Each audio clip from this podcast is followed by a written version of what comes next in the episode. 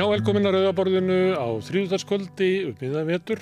Það er margt framundan hérna í kvöld. Hérna í lokin þá kemur hún til mín, hún Ester Bíbir Áskistóttir.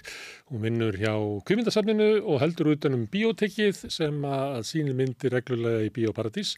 Framundan er myndir frá Palestínu. Ég ætla aðeins að heyra í henni með þetta. Við kannski sjáum sínisotnur einhverjum myndum, veltum fyrir okkur uh, að fólkið í Palestínu sem við sjáum í fréttonum oft haldandi á dánum ættingum sínum að það á sér náttúrulega líf og það á sér menningu og það byrð til bíó og við getum séð það í bíópartísljóðlega og ég ætla að ræða við þetta við hanna Bibi. Það stendur til að samina háskóla, háskólan á Bifröst og háskólan á Akureyri, það er svona ímsa skoðanir uppi um, um þetta, þessar ráðagerðir og hvernig að þeim hefur verið staði, hvernig þetta hefur verið kynnt. Ég ætla að reyna að ná aðeins utanum þetta mál með því að að slá á þráðinn, norður til Akureyrar, eh, heyra Jónum Gretari Þór Eithósinni sem er deildarfórseti viðskiptadeildar háskólans á Akureyri og svo kemur hinga til í mín í stúdióið Ólína Kjærúlf eh, Þorvaradóttir sem er deildarfórseti félagsvísindadeildar á Bifröst. Þau ætla að ræða saman um þessi mál, ég veit ekki hversu mikið þau eru ósamála, en það er eitthvað blæbrið með unnur og við ætlum að reyna að ná þeim. Eh, það er mál, eh, svona, Bjarni Berendisson hefur eiginlega kveikt eh, upp í, í innflytjenda umræðinni á Íslandi. Hann hefur nú svona gert það svolítið reglulega en svolítið með afgerðandi hættu undanfannar daga. Viðtalið við hann í gær í Silvrinu snýrist að miklu leitu um þessi mál.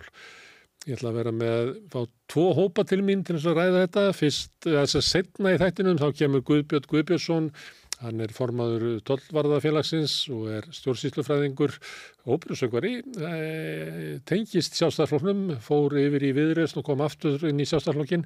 Hallur Magnússon, hann var einu sinni framsókn, sagði sig úr framsókn út af ágreiningi um hvernig var tekið á innflytjandamálum eftir að Sigmundur Davíð tók við floknum og Allir Þór Fandal sem er frangotastjóri Transparency International á Íslandi. Ég ætla að ræða við þessa kalla um uh, hvaða merkingu þetta innlegg e, Bjarnahafði úr hvaða umhverfið það kemur, hvaða árið það muni hafa á stjórnmálinn og kannski umræðuna um e, innflytjendur sem að hefur náttúrulega fjölga gríðarlega á Íslandi, líklega hefur fá samfélagi okkar heimsluta þar sem að, að innflytjum hefur fjölga í að pratt á Íslandi, e, þannig að það er mikla samfélagsbreytikar í gangi, það er svona að reyna að ræða um þetta á, á svona víðum vettvangi við þá þrjá. En síðan koma líka hingað á eftir þrýr þingmenn sem að, að ræða þetta sama mál um innflýtjendur og, og hversu langt það mál er komið, hversu þrósku svo umræða er, eh, hver vandamálið er, hversu stort það er, hversu aðkallað það er. Það er ími sjónamið upp um það. Ardís Anna, Kristína Dóttir Gunnarsdóttir, hún er pírati. Eh, Bergþór Ólason er í miðfloknum og Sigmar Guðmundsson er í viðrest. Þau setjast hérna við rauðaborðið og ræða þessi mál. Það verður hér eh, strax á eftir en áður en að ég skipti yfir á í viðtöl kvölsins þá vil ég minna ykkur á að samstöðin er samstagsverkefni okkar sem erum að búa til þætti hér á samstöðinni bæði hérna megin myndalunar og hinn megin þar sem er fólk sem heldur utanum tekníksjörnina og gestana sem hinga að koma og ykkar sem eru að hlusta og horfa. Þið getið hjálpa okkur við að byggja upp með því að vekja fólk, aðtikli fólks á þáttunum því sem ykkur finnst vera þess virði. E, við höfum ekki enga pening til þess að vera auglýsa þannig að samstöðun hefur nú bara spurst út svona frá manni til manns og þið getið hjálpa okkur við að byggja upp samstöðuna með því að láta vita af okkur að við séum á Facebook og YouTube og öllum hlaðvarsveitum í útvarpinu á 89.1 á stór höfuborgarsvæðinu. Útarsendingarna má líka ná í þar á spilaranum, spilarin.is Þar eru allar útastöðar innlendar og e e spilarinn er líka app sem við getum hlaðinu á síman og hlustað á samstöðuna og innar innlendar útastöðar hvað sem er í heiminum. Við erum komin til þeirra sem að fá sjónvarpið sitt frá símanum, þar eru nummið 5 á fjastinningunni, þar gengur samfélagsumræða frá samstöðunni alla sólaringin, alla daga vikunar. Raumulega stór undanleg sjónastöð ef við pælið í því. Þið getur hjálpað okkur við að byggja upp samstöðuna með því að gerast áskrifundur líka. Þá farið inn á samstöðun.is, þar er nappu sem ástendur áskrift. Það kostar bara 2500 krónur að vera áskrifandi á mánuði. Það þykir vera látt og miklu lægra en aðri fjölmjölar og látt miða við það efni sem við búum til hér. Því sem að viljið geta borga meira og því sem að kjósið getið látið áskriftina renna sem félagsgjöldin í alþjóðfélagið og það er alþjóðfélagið sem á og rekur samstöðuna og allt efni sem við bjóðum upp á hér er í bóði áskrifenda. Þakki þeim fyrir aðstöðuna. En við skulum skipta yfir í viðtöl kvöldsins. Félagar og forvitnir eru velkomnir í Sósilista kaffið alla lögadaga í bólótti 6 kl. 11.30. Tökum pásu frá kapitalíska hversteginum og njótum góðra stunda með félagum okkar. Með því að ganga í leyendasamtökin stiður þú baráttu leyenda. Leyendasamtökin eru fyrir öll þau sem vilja vinna að réttlæti og öryggi á húsnæðismarkaði. leyendasamtökin.is Ert á leið heim úr vinnu? Stiltu á FM 89,1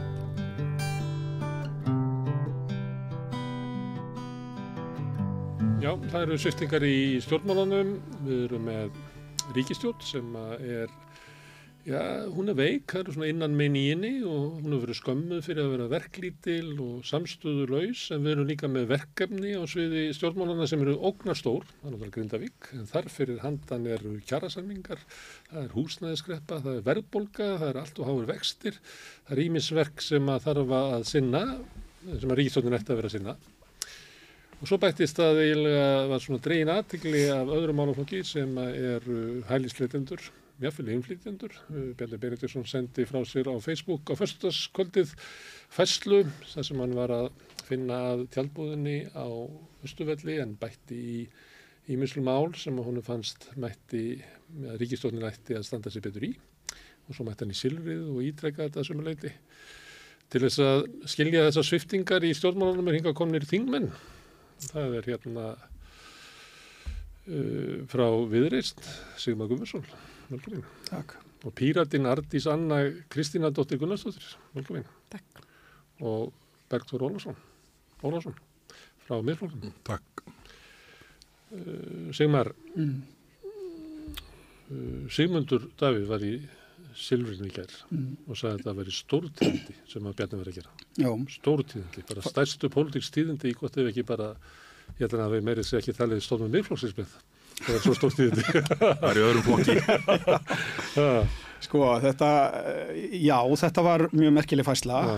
og hérna það var nú svona svip, svipað eh, hérna ástand í, í umræðinni í þessum máluflokki fannst mér líka síðasta sumar en, en Bjarni stígur hérna fram Já. og fer að tala um uh, tjaldbúðunar og ég uh, las þessa fæslu og mér brá mjög mikið vegna þess að uh, það er fínt og eðlilegt að hafa skoðun á því hvort að menni að tjalda vikum saman á austurvelli eða ekki.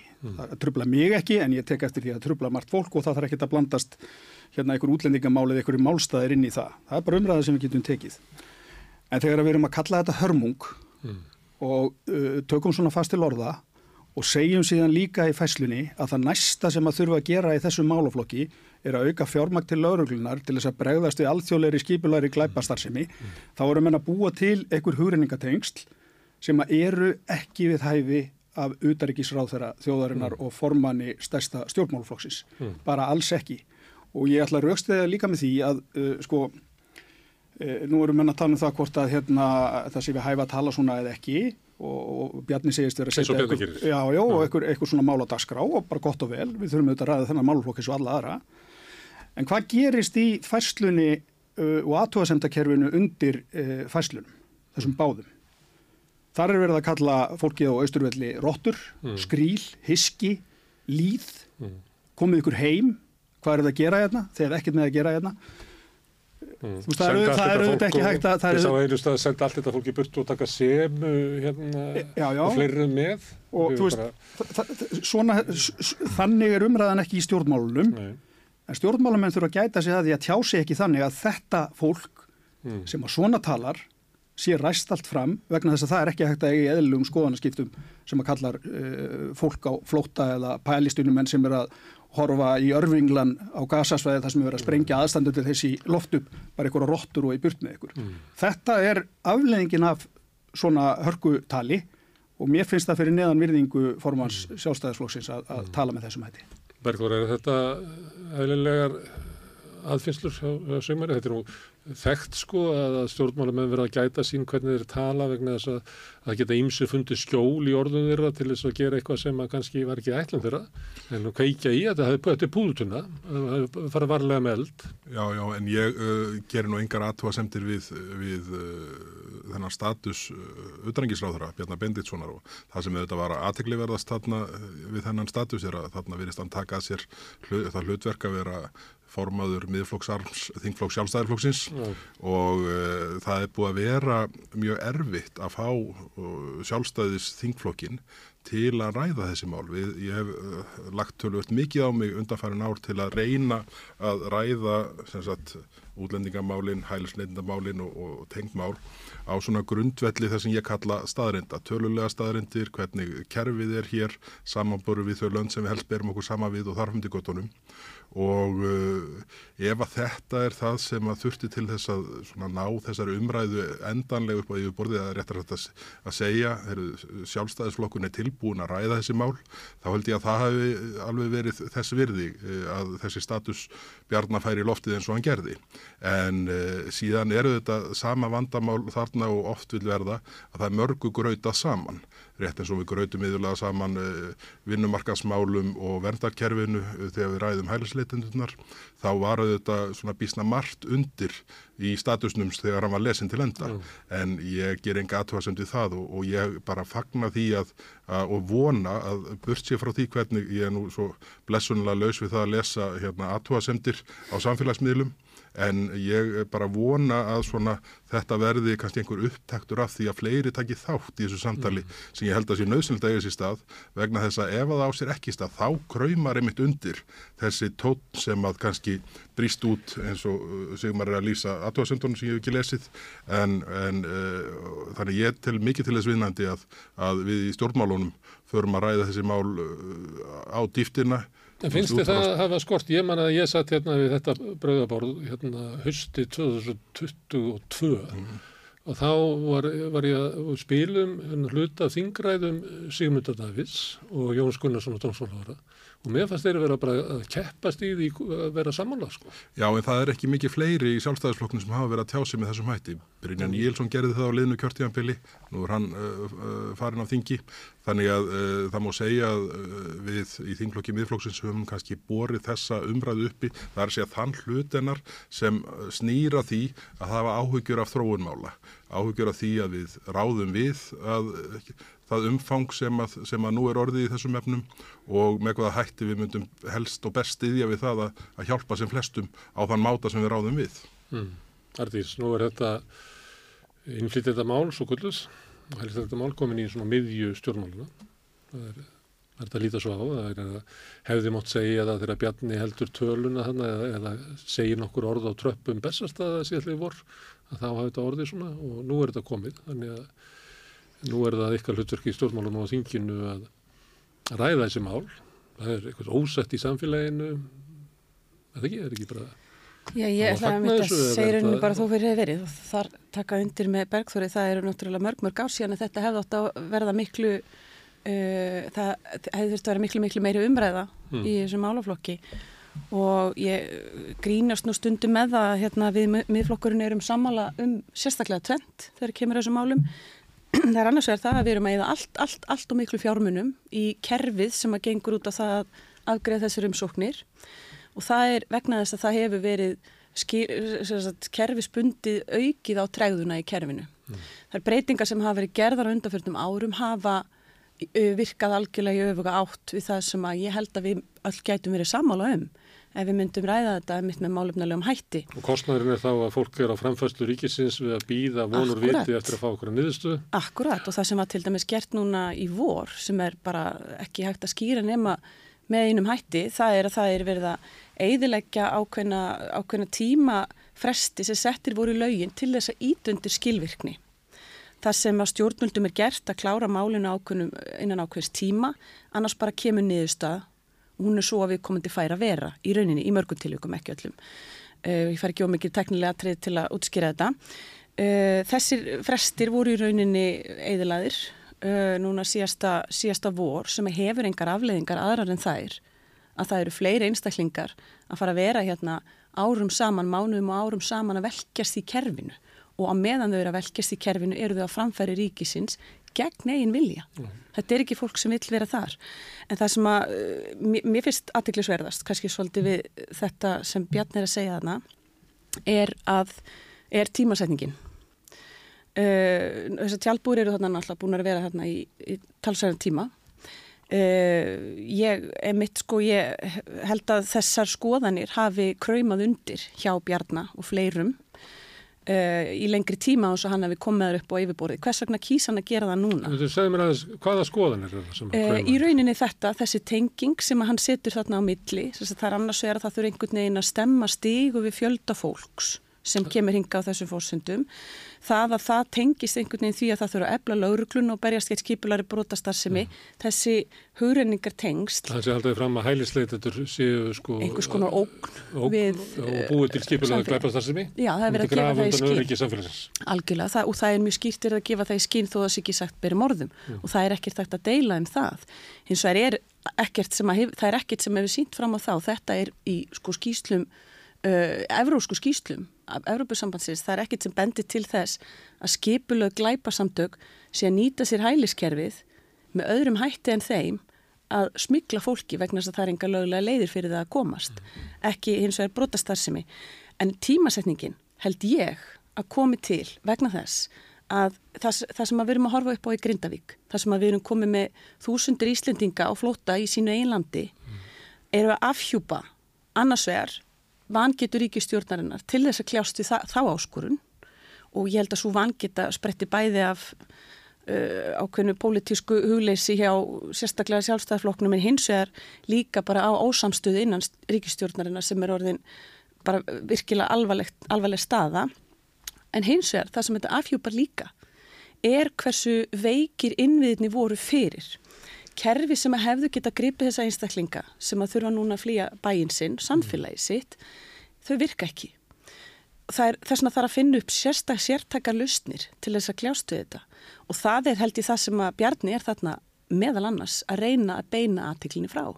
Það er held ég að það sem að skýra þessa tímasetningu.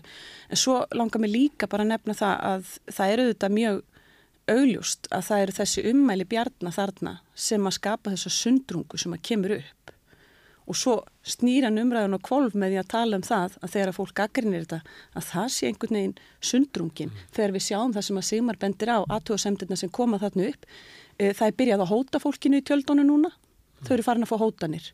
Það er vegna að það er bara búið að opna á þetta.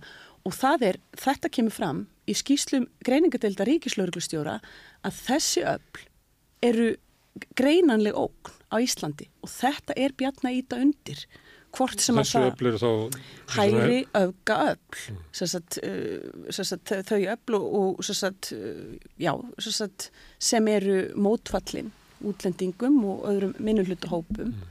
og eru vaksandi ókn í Evrópu, gríðarlega mikið vandamál í bandaríkjónum mm. þar sem að þessi orðræða hefur verið normaliseri líka. Mm. Þannig að þetta er, það, það að tala með þessum hætti er gríðarlega mikið ábyrðaleysi bæði vegna þess að það Eh, er ekkert tilefni til þessara orða í ljósi hlutverks utarikisir á þeirra og þetta bara skapar hættu í samfélaginu. Það var einhver spyr, Sigmar, að þú sagðir að það var eitt fenn sem að þið værið saman og þú sagðir að það var alltaf mikil kostnæður. Hvað var hitt? Akkurat, takk fyrir þetta. Uh, sjaldan sem að maður var ástofið að halda þræðinu í, svona umræðið þáttum. Það hitt er, akkurat, mjög góð punktur, það er að við erum að læra af hinn úr Norðurlöndunum. Uh, það sem við erum hins vegar að gera er að við erum emitt ekki að læra af Norðurlöndunum við erum að apa upp eftir þeim það sem að þau gera mm. nema við erum að gera tíu áru setna við erum að taka upp það að vera að koma með lagafrumvörp sem er að leggja til breytingar sem Evrópuríki eru núna að fara, falla frá ég er samála því að við erum að læra af reynslu Norðurlandana, við erum að læra af þeirra mistökum mm. helstu mistökin sem, sem Norðurlandin hafa gert og við erum að sjá í mjög hvað var að segja, ég ætla ekki að segja það sem ræðileg þróun, það er ennþá mjög góð staða í þessum ríkjum og þetta eru ennþá einu örgustu og mest velmegandi ríki í heimi. En það er samt þróun sem við myndum ekki vilja sjá sem er akkur þessi sundrung og, og annað, aukin glæpastar sem er í kjölfara auk, aukina jáðarsetningarhópa, mm. kemur til vegna þess að frá uppafi hafa þessi ríki og við erum að gera það sama vanmetið uh, þörfina á því að tækla þær áskoranir sem fylgja því að hinga komi einstaklingar með ólíkan bakgrunn, með ólíka menningu og annað. Vegna þess að þær breytingar sem verða á samfélögum við blöndun ólíkra menningaheima, þær eru ekkert hættulegar. Þær eru ekkert hættulegar ef við tökum rétt á þeim. Það sem að gerist með þessari jáðarsetningu er að það verður til þessi ótti, það verður til ótti í samfélaginu, fólki sem er á stanu fyrir, þetta gildur um allan heim, verður hrætt við hvað breytingar er að fara að verða, óttir skapar fordóma og andúð sem jáðarsettur fólk og í rauninni bara skapar bara ólgu í samfélagi. Það sleppur ekki í samfélagi, verður á jæðrinum og er meiri sig að sko líklæra til þess að, að, að finna sér eitthvað neðajarðar, eitthvað, eitthvað tilveru. Já, fyrst að byrja með því að... Við rauðaborðu við afbrotafræðinga og flera, hvernig hérna þetta er gert. Það byrjar fyrir ekki, bara eina einsetning, það byrjar með því að þau verða útsettari fyrir uh, ábeldi mm. og útskúfun og, og mm. sagt, árásum sem að síðan náttúrulega getur leitt fólk á, á braut sem við viljum ekki neitt fara á. Ef maður hlusta þetta sem er, þá eru við svolítið svona núlpunkt í þessar umræðu. Já, já, við erum samt búin að ræða útlendingamáli mjög mikið og ég tek undir það sem að Bergþór var að segja að það er alltaf þannig að það er verið að gröita öllu saman í þessar umræðu sem að mér finnst svolítið bagalegt sko. En það eru auðvitað líka, þetta er nú bara einn elsti og hérna mesti e, fylgikvillur líðræðisins, getur við sagt. Mm. Það er að smala fólki til fylgilagsviðig með því að benda á einhverju ógn að utan og elur svona pínlítið á hræðslu fólks mm. við þau óþægta.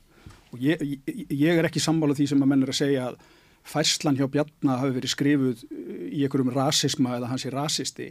Ég þekk hann, hann er það ekki. Mm. En þegar menn vanda sér ekki í talinu, þá eru menn að ræsa fram einhver öll sem að hérna, við viljum ekki dendilega að, að, að fá í svið og, og, og, og kannski það sem að maður er svolítið að benda á. E, auðvitað, sko, er það þannig að þegar kemur þessu málum að þá þarf inngildingin að vera í lægi, við þurfum að gera þetta vel. Við erum hins vegar núna svolítið á stað þegar kemur. Við erum ekki að gera það vel. Nei, við erum ekki að... Kvartanir bæjarstjóra hér um sína, kvartanir inflytenda sjálfra, hérna, kvartanir skólafólksum að skólinn sé hérna, vannbúin í því að mm. bara kenna fólki sem ekki hefur íslensku sem tungumál á sínum heimilum mm. og við getum við brottfall úr skólum, við getum bara haldið endan við erum ekki að gera það vel. Nei, kannski er þetta ekki að gera þetta rætt og kannski er ekki hægt að gera þetta vel en við erum allavega ekki að gera þetta vel. Við erum ekki að gera þetta vel og þegar við erum að tala um að gera eins og Norðurlöndin, þá langar mig kannski að fá aðeins betri útskýringu á því hvað menn eiga við vegna þess að þau eru auðvitað ekkert öll að gera þetta eins. Norðmenn hafa gert þetta til dæmis betur held, held ég heldur en, heldur en hérna nákvæmna þjóðuna þar. En eh, sko þetta er auðvitað þannig að við þurfum að vera svolítið varkár í umræðinni og við verðum að passa okkur á því að þegar við erum að tala um þar áskoranir sem að uh, fylgja smækandi heimi og meiri hérna, flutningi fólksamilli landa að eh, fókusin sé ekki allar á hælisleitinu hérna á Íslandi vegna þess að það er alveg ótrúlegu fjöldi útlendinga sem að býr hérna á Íslandi. Það geta 500 miljónir Európabúa fluttinga á morgun á þess að spyrja nokkura spurninga. Þetta getur verið fólk frá Rúmeníu, Ungverjalandi, Eistrasallöndunum, Pólandi. Ja. Allt þetta fólk má koma mm. og það, það, það, það koma margir, er að sækja hérna í atvinnu og annað. En alltaf þegar við erum að tala um sko álægið á innviði út af útlendingum, þá fyrir við alltaf beint í þennan litla hóp sem eru hælisleitindur. Mm. Þar var svolítið mikið fjölgun út af uh, fólki frá Úkrænu. Ég hef ekki hirt einasta stjórnmálmann tala um það, hann vilji taka þann stuðning uh, frá Úkrænsku. En það fekk það fólk kennitala og getur farið að vinna og... Já, já, já, og svo ertu með fólk frá Venezuela sem að kom hér... Lengsta fekk það líka kennitala og, og, og, og sjálfstæðisflokknum fannst það nú bara besta mál með vísan í stjórnafarið í Venezuela lengi vel. Svo er búið að snúa því núna við af kærunni mánuðum þessa árs að þá er umsóknum uh, í gegnum hælisleitndakerfi þeim er að fækka. Þannig að við erum líka svolítið að taka umræðina á kannski stað þar sem að tölfræðin er ekkit endilega uh, svo sama og hún er kannski til lengri tíma litið. Það eru svona innbyðar skekkjur í henn að vil ég meina sem er annars vegar Úgræn og hins vegar þá fólk frá Venezuela. En uh, sko, svo við færum okkur aftur yfir í tjálbúðunar og fólki sem að þarna mótmæla.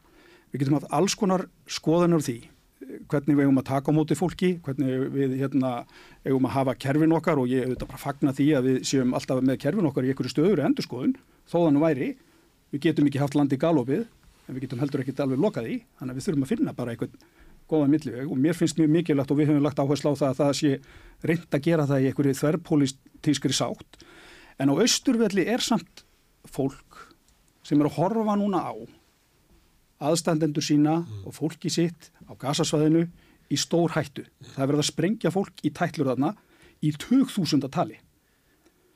Mér finnst ekki endilega að þegar við erum að horfa upp á svona rosalega beina ógn, það er ekkert verið að deila um það hvort að þetta sé stríðsjá svæði eða þarna sé mikil neyð, að við getum ekki einhvern veginn að ráðamenn get ekki til dæmis tekið undir eina kröfuna sem þetta fólk er með, það er byrjum fyrir fund með ráðamennum.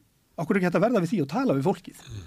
Þetta, hérna, fólkið sem að þarna kemur inn á grundvelli fjölskyldusaminningar, þetta er ekkit, þetta er ekkit eitthvað yfirgengilegt viðbótara álag og innviði, bara langt, langt í frá. Við getum alveg vel vísað í sérstætt ástand á gasasvæðinu og svona reynd að mæta þessum fólki sem að hefur fyrir því að vera þarna í, í, í tjaldi, hvað sem að það eigi nú að fá verið tjaldi eða ekki og er að benda á þetta og ekki að vera svarað í svona með einhverju þjósti eða tala um einhverju hörmungar eða eitthvað þess áttar sko. Ég meina, við verum bara að passa okkur. Og hvernig ég við tölum. spyrja einu, hafa þingmenn heimsótt fólkið í tjaldinu? Já, örgulega, einhverjir. Já, ég hef farið í Já, já, maður hefur farið þarna. Og ég, svo sem þekki ekki alveg, það voru náttúrulega mjög mikil mótmæli í, í gær á meðan við vorum þarna. Uh, og einhverjir þingmenn hafa örgulega farið þarna og spjallað við fólki en, en eh, sko afstafa fólk til þessa hóp sem að þarna er ég held að sjáu það allir að, að sko aðstandendur þessa fólks það er í stór hættu á gasasvæðinu og þessi, þessi krafa þeirra hún hún eiginlega pínlítið trompar finnst mér núna eins og staðan er eh, alla aðra almenna umræðu um hælisleitundur útlendinga. Það er fólk sem er í gríðalegu álægi, er að horfa á bara næstu í beinu útsettingu sko, sí, ætt fólk sitt í stórkostir hættu og er bara friðlust af, af angist og óta. Mér langar eiginlega frekar að tala svona um einflindindamálinn, mm. því að þau eru sett á daska og við hérna vítum tjaldbúðunum aðeins til hlýðar. Þetta sem er verið að, eins og Ardís stilt þessu upp, að það sem við þurfum að gera, það er að koma fólk hingað og, og við þurfum að gera skólakerfi betra og við þurfum að gera húsnæðskerfi betra og við þurfum að vera með svona inngildingu eins og sagt er að taka vel á móti fólki til þess að lenda ekki ykkur vanda. Uh, takið þið undir þetta í miðflóknum eða er ykkar til að bara, við höfum bara að taka við færum? Það er vandamálið að fólki komi yngað eða er vandamálið hvernig við tökum á móti? Uh, það er bæði. Uh, ég, fyrst, sko, ég held að sko, megin hættan, við, ræðum hér við þetta borðum sko, að sko, sviði sér skilið eftir opið fyrir þá sem að tala óvarlega í þessum efnum. Ég held að það sé að nokkur leiti vegna þess hversu treyir við stjórnmálamennir höfum verið að ræða þessi mál undan farin ár. Ég held að það sé vandamál í sjálfu sér. Uh, en síðan, uh, þannig að, og síðan er það þetta atriði að sko staðista hættan hvað það varðar að uh, efasemdir og andúð aukist gagvart þessari þróun er ef við reynum að tökum stóð mikið í fang, erum að taka hér á móti fleirum heldur en við ráðum við og ég held að blasi við öllum núna, það bara klítur að vera að við erum lent á stað sem það sem við ráðum ekki, ráðum ekki vel við stöðuna. Við sjáum núna tæplega 5.000 í 2022 Uh, rúmlega 4.000 ef ég mann rétt uh, árið 2023 þetta eru hérna þetta eru uh, og síðan heyru við sko tónin í sveitastjórunum eða bæjastjórunum í nákvæmlega sérstaklega hérna á söðusturhóttinu við heyrum tónin í skólastjórnendum í heilbreyðiskerfinu og þarhamdugötunum þetta eru ég lef mig bara fullir það að við erum ekki að gera þetta vel núna og við erum ekki að gera þetta með þeim hætti að það auki líkurnar á því að þetta fólk sem hér verður til lengri tíma aðlægist samfélaginu til framtíðar. En, en það er ekki allt hælisleitur þarna baki? Nei, nei, en ég... Þú veist, það er útlendingar í viðra saman? Já, en við, sko... Það, það, það, það er enga síður, sko, þannig að uh, þeir sem koma hérna inn í gegnum vinnumarkaslausnindar, þeir eru kannski að nokkru marki öðruvísi samsettur hópur heldur en, heldur en, heldur en hælislendanda hópurinn þó að hann sé fámennari. Þannig að, þannig að ég held að uh, við þurfum og ég, ég er þeirra skoðunar við eigum að færa okkur nær þeim, þeim, þeirri nálgun sem að uh, auðvitað Norrlanda þjóðnir ekki allar að gera þetta eins. En til dæmis ef við horfum á Danina þegar búið að taka sko Úkræðinu út úr samanbörðunum þá eru við hér með 13 sinnum fleiri umsóknir um alþjóðlega verðnheldur mm. í Danmarku. Það er ekki... En er það ekki Venezuela fyrst og fremst? Það, það, er, það er að hluta en Nei. þó við takjum Venezuela út úr bara eins og kom fram í, í, í hérna Silfrinu í gær að sko við erum með fleiri umsóknir frá Palestínu bara í höfðatölu, ekki hlutvarslega fleiri umsóknir frá Palestínu heldur en samanlagt á öllum hinnum Norrlöndunum. Það er eitthvað skakt þarna sem að ég held að við sko verðum og, og ég nú tala lengi um að við þurfum að sko svona losa okkur frá þessum sér íslensku seglum sem kallað er í þessum efnum. Þetta, er, þetta, þetta eru svona nokkur atriði sem að ég held að séu til þess fallin að fjölga hér umsóknum mjög umfram það sem að sko kannski eðlilegt væri og síðan við ráðum við sem er miklu mikilvægur í þessum efnum. Þegar, þegar við vorum að taka uh, fólk fyrst og fremst inn í gegnum kvotaflótamannakerfið þá voru þetta að meðaltali einhver staðar mellir 20 og 30 35 kannski að jafnaða ári yfir tölvöld langt tímabil. Þegar við mætum síðan næst á svæðið og segjum hérna og þá er búið að samþykja reglur um, um samræmda móttöku þannig að allir fái hér sömu, sömu uh, móttöku réttindi og uh, kvotaflótamenn uh, þetta, þetta getur ekki orðið til annars en að við missum stjórn á, á máluflóknum og það sýnist mér vera staðan sem er komin upp fyrir þó nokkur síðan og er kannski ástæða þess að þetta er að komast svona verða aðalefni umræðunar þessa dagana. Mm. En leggja til að við fyrir bara aftur þess tíma, ég minna við tókum ekki við neinu flottamönnum bara fyrir henni í Ungverlandi 56, síðan liðu bara meirinn tveir áratýr og þá tókum við bátafólkinu frá hérna, Vietnam, mm. við tókum bara frá hérna, fólki sem stjórnvöldliður svo að vera að flýja kommunismann, Já. svo tókum við á móti fólki frá Venezuela sem ástæð, en það var ekki fyrir en að sko bara okkur að benda á það að sagja þetta alþjóðlegum skuldbyndiku sem við vorum búin að skuldbyndikur í, að þá erðu við bara að taka á móti flottafólki, að við komum okkur bara hjá því að gera það. Þeir eru ekki að tala um að svona að fara svo langt aftur að við höfum bara að fara í, til þeirra stefnu sem að hér var reygin í kringu 1980 eða? Ég er þeirra skoðunar við ættum að gera þetta í gegnum kvotaflótamanna kerfið og uh, það, því að það er engum greiði gerður að velkjast hér um árum saman upp á von og óvon hvað það varðar að fá hér uh, vernd eða ekki. Stitt tíman eins og hefur verið bent á hérna. Já, það, það, er, það hefur ítrekkað verið bent á það og, en tilraunirna til þess hafa allar runnið út í sandin og ég held að sko útlendingarlögin sem voru hér samþygt 2016 neyman rétt, þau séu nú að miklu leiti rót þess, þess þeirra stöðu sem við stöndum fram með fyrir núna mm. og, og ég, uh, ég held að frem fremst í röðinni væri það að leggja mat á hvað við ráðum við sem samfélag að taka við hvað fjöldavarðar. Mm. Hvað ráðum við, hvað varðar að menta þau börn sem hinga að koma og, og tryggja þau geti aðlaga samfélaginu, hvað ráðum við hvað húsnæðismálinn varðar, uh, heilbreyðismál og þarfram til gotunum. Á meðan slíkt mat lik, likur ekki fyrir, þá ættum við að flýta okkur hægt. Það mætti taka það upp sko því að það er ekki hægt að hlusta umræðina þessum að er alltaf að segja að annar hópurinn sé að leggja til að það verði engin, og hins eða hérna ég taka á móti sko miljónum. Já, já, ég, það verður oft svo skrifin. Ég, ég held að sér umverulega engin, eða mjög fáir allavega í pólitíkin á, á, á þeim í öðrum alveg sko. Nei, en ég kíkti að út af Bjarnafesslunni, þá kíkti ég aðeins á það hvernig hérna fór bara inn á upplýskavefin hérna og tók bara síðustu þrjá mánuðina sem hafður verið byrkt, það eru síðustu þrýr mánuði síðast árs. Mm. Að þá komu 884 í heldina, það voru 1546 árið undan, þetta er 43% færri sem er að koma núna. Fælst það ekki fyrst og hrenst í Venezuela vegna breyttar náttúrulega? Nei, svo tók ég það frá mm. og það var að nákvæmlega saman hlutvall, það er þetta 41%, það fer úr 354 í 209 mm. og þannig þá fór ég að hugsa býtu, það verður að tala eins og sé bara fullkomi stjórnleis á landamæranum en tölunar eru bara ekki að styðja það. Þú veist, akkur eru menna að láta í það hérna skína að hér sé bara eitthvað stjórnleysi ef það svo er ekki og ég tala ekki um að hluta ríkistjórnir í að, að hvaða, hvaða skinnsem er það að henda út í samfélagi hérna sem við búum bara við eitthvað stjórnleysi? Já, ef, ef að menn telja það ekki vera stjórnleys á landamærunum að hér hafi komið uh, uppsapnað uh, á rúmlega 8.000 manns ég, hérna, sem stæðstuleitir Úkræna og Venezuela já, já, en í heldina 8.000 manns rúmlega. Fólk sem var sérstaklega bóðið fólk sem að hérna, hingaði komið og þarf að þjónusta og reyna að styðja við með sem bestum hætti.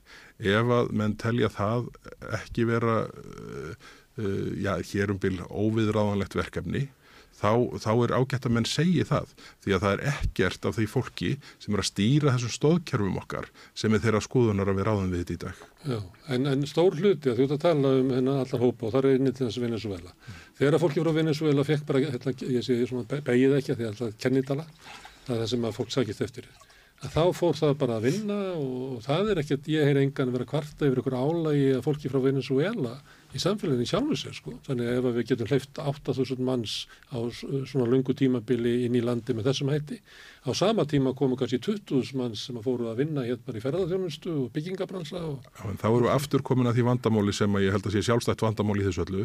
Það er að vera maður að gröita saman þessum kerfum sem er verndarkerfið annars vegar og vinnumarkaskerfin hins vegar. Ég, ég var ekki að því, ég var að segja að því þú veist aftur. Nei, ég er að tala gagvast um það. Það er ekki þannig að 8.000 mann séu hérna einhvern veginn á framfæstu ríkisins þá stór hluta þeim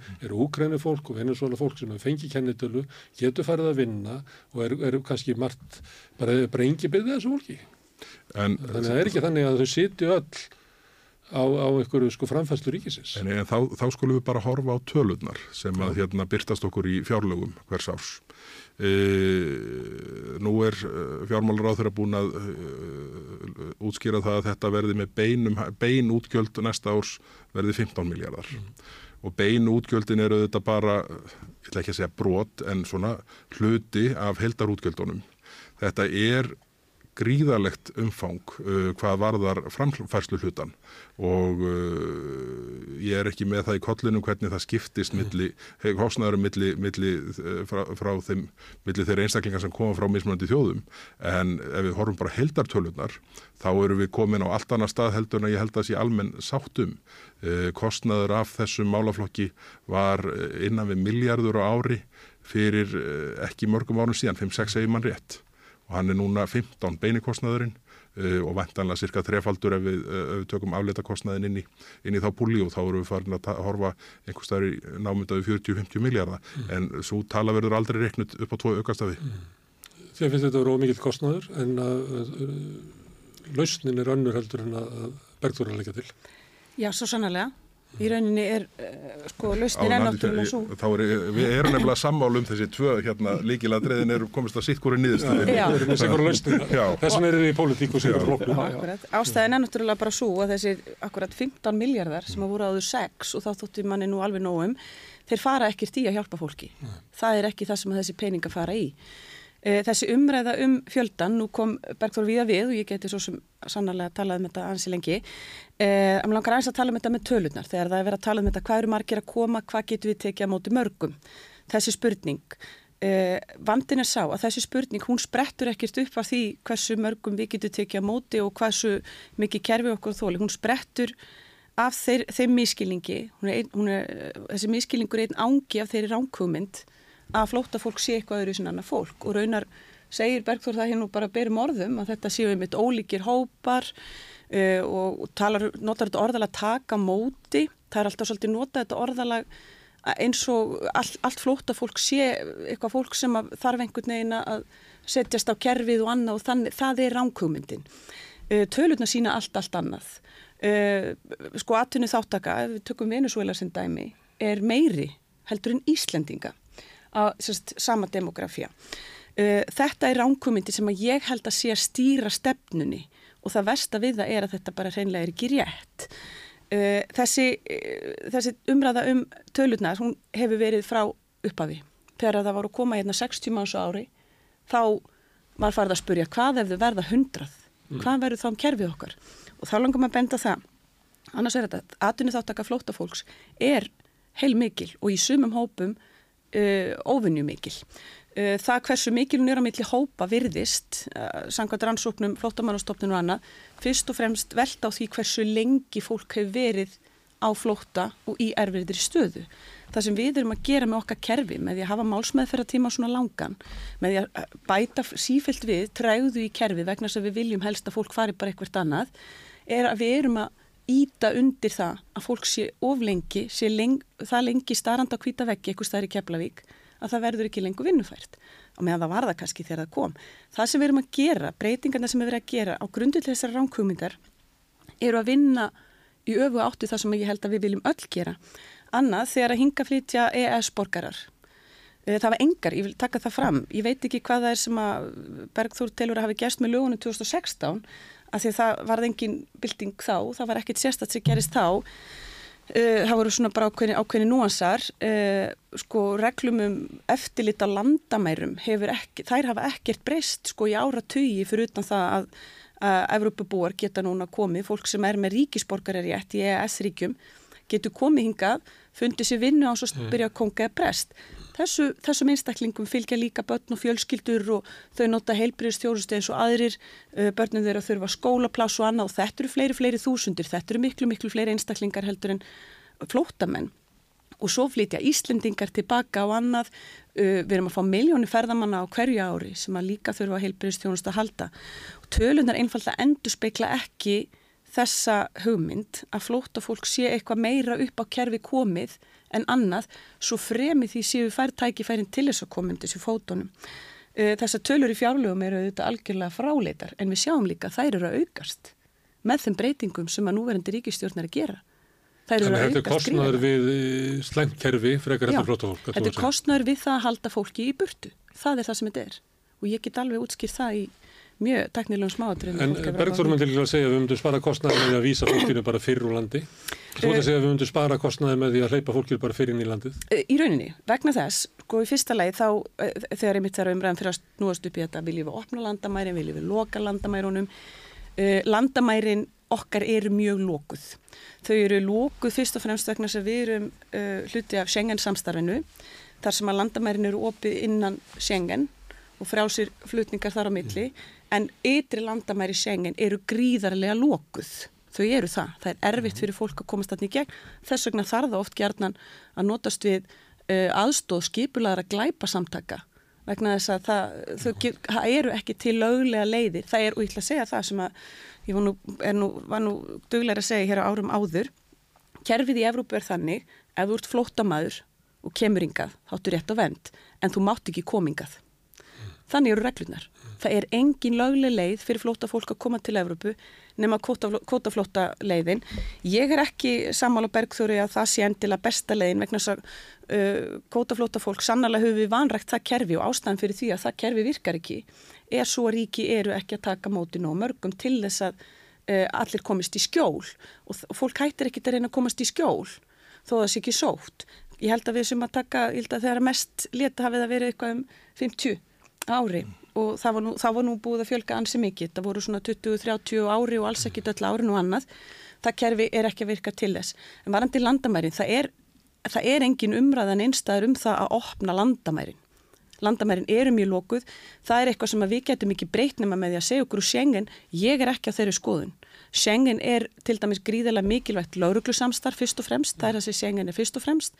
Við erum ekki að fara hætta í Schengen að mínum að því mm. Það er ofin landamæri kakar þeim sem er í EES og hérna hefur talað 500 miljónir sem að vöknuði í morgun og ákvaða að flytja ekki til Íslands. Akkurat, akkurat og það þykir ekki vera aftiklisvert Þau gáttu alveg fluttinga, þau vildu það ekki. Þannig erum við kannski, er við kannski að gera of mikið úr þessu að, að ég er að benda tölur sem að benda til þess að færri að sækja hérna um. Stundum er látið svona eins og já, við þurfum að gera eitthvað vegna þess að ef við gerum ekki eitthvað þá gætu flutt hérna bara miljón á dag Já, er ég, það raunir? Er, er, er það samt raunveruleg umræða? Það held ég nú ekki sko. Það er svolítið látið eins og ef við höfum ekki sko, hérna, við gætum lendið því að hérna myndi bara stríðu, jú, jú það heyrið þetta út um allt í umræðinni hérna myndi bara flóðgáttur koma fólki sko. Já, já, nú er þetta hérna Já, nú er þetta þannig eins og ég var að benda á þann að, að kurvan er svolítið upp út af hérna Úkrænu og Venezuela mm. og mér finnst sjálfsagt á öllum tíma að taka hérna umræðu um þetta og ég bara ber fulla virðingu fyrir því fólki sem að finnst að, að við séum að, að hérna hleypin of mörgum.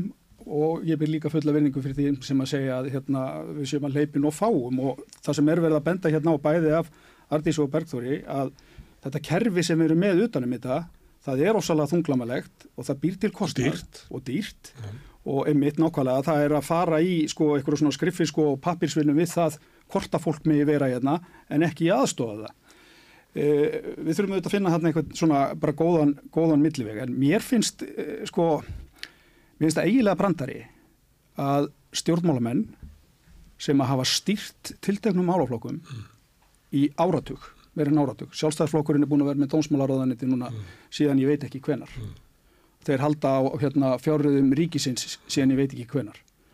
Svo eru þingmenn þessa flokks alltaf að tala um það að útlendingamál séu ólestri, þar sé stjórnleysi. Mm. Ríkisfjármálun eru ólestri, þar er stjórnleysi. Þetta lókið veist, það, Nei, nei, ég meina, þú veist, þetta er svo hörð gaggrinni á eigin flokka, þetta flokka á þetta bara segja, herðu, nei, við erum búin að gefast upp á verkefnu, þetta, það er bara fínt að ykkur að ekki við. Þau voru einast að segja alltaf báknir burt, sko, samt byggu þetta báknir, sko. Já, mm. en, en sko, þú veist, hugsaum þetta bara líka út frá þeirri staðrænt sem að til dæmis þeir sem er að reyna að rýna í eitthvað svona framtíðar líðfræði eru stundum að benda á og við erum að hugsa um hérna svona framtíðar velferð og atvinnustig til lengri tíma annað. þjóðar og það.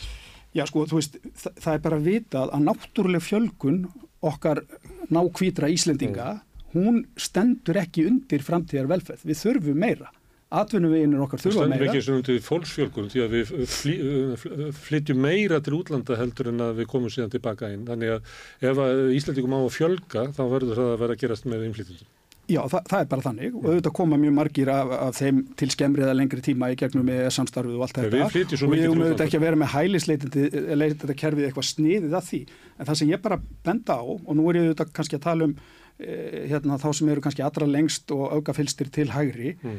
Að það er ekki hægt að vera ala á óta almennt við allt það sem að útlenskt er og meðan að við þurfum á þessu öllu saman að halda og að þetta er líka bara fólk. Mm. Fólkið í Palestínu eða Sýrlandi eða Afganistan eða Venezuela, þetta er alveg jafn mikið fólk og við eða, eða þeir sem að koma inn að neuróska efnaðisvæðisins. Þurfum ekki að vera í svona rosalegum stellingum, við þurfum bara að finna eh, hérna, einhverja góða lending að vera sammálum að gera þetta skinsalega, eigða ekki ómiklum peningum í kerfi sem er í einhverju sjálfvirkni við það að vera alltaf á bremsunni en við verðum auðvitað líka að viðurkenna það fyrir sjálfum okkur að við getum eh, hérna, eh, það er einhver, einhver takmörk á því en bufferinn þar, ef við má sletta er auðvitað atvinnustíið sem er alltaf hreyfiðablið í því hversu margir eru að koma á hverjum tíma frá evróska efnaðsvæðinu sko. En- en- Þannig að það- sem ég kannski reyna að segja er Já. að það er svo stór hlut af útlendingunum sem er bara ákveðin sjálfvirkni í gangi uh, fer eftir hagsveiflu og annað en hælisleitendunir eru svo fáir að þeir í sjálfu sér hafa ekki áhrif þarna á stóru myndina. En umræðan í okkar heimsluta uh, er með þeim eitti að uh, mest hraðvaksandi flokkur uh, Valdkostur fyrir Þýskaland, hann er með þá stefnu að núna að vísa öllum útlendingum út úr landinu sem að myndi þýða það að Þýskaland myndi bara falla saman, að bara í þýskur efnaður myndi verða rústir einar. Hvað er þau um íslenskan byggingum? Nei, ég, ég, ég er ekki að tala um það er ég- er bara- ekki að ræða þetta, ég sko. veit það. En samt eru þessar hérna, uh, kenningar og, og stefna sett á borðið og þá er maður að velta fyrir sig hvað er það virkilega sem að fær menn til þess að leggja þetta fram? Hver er, hver er þessi ók? nú- Erum menn að horfa bara fram á okkur heimsendi? Eða? Nú þekki ég ekki uh, það sem þú vísa til hjá AFD en hérna Það eru götu sem fullar af fólki að mótmála þessu í Já, dag? já, já, ég bara hérna uh, þekki þetta ekki en hérna en uh, sko að því vorum að ræða hérna sko ríkisfjármálin eða réttar sagt áhrif þessa málflokks á ríkisfjármálin Já.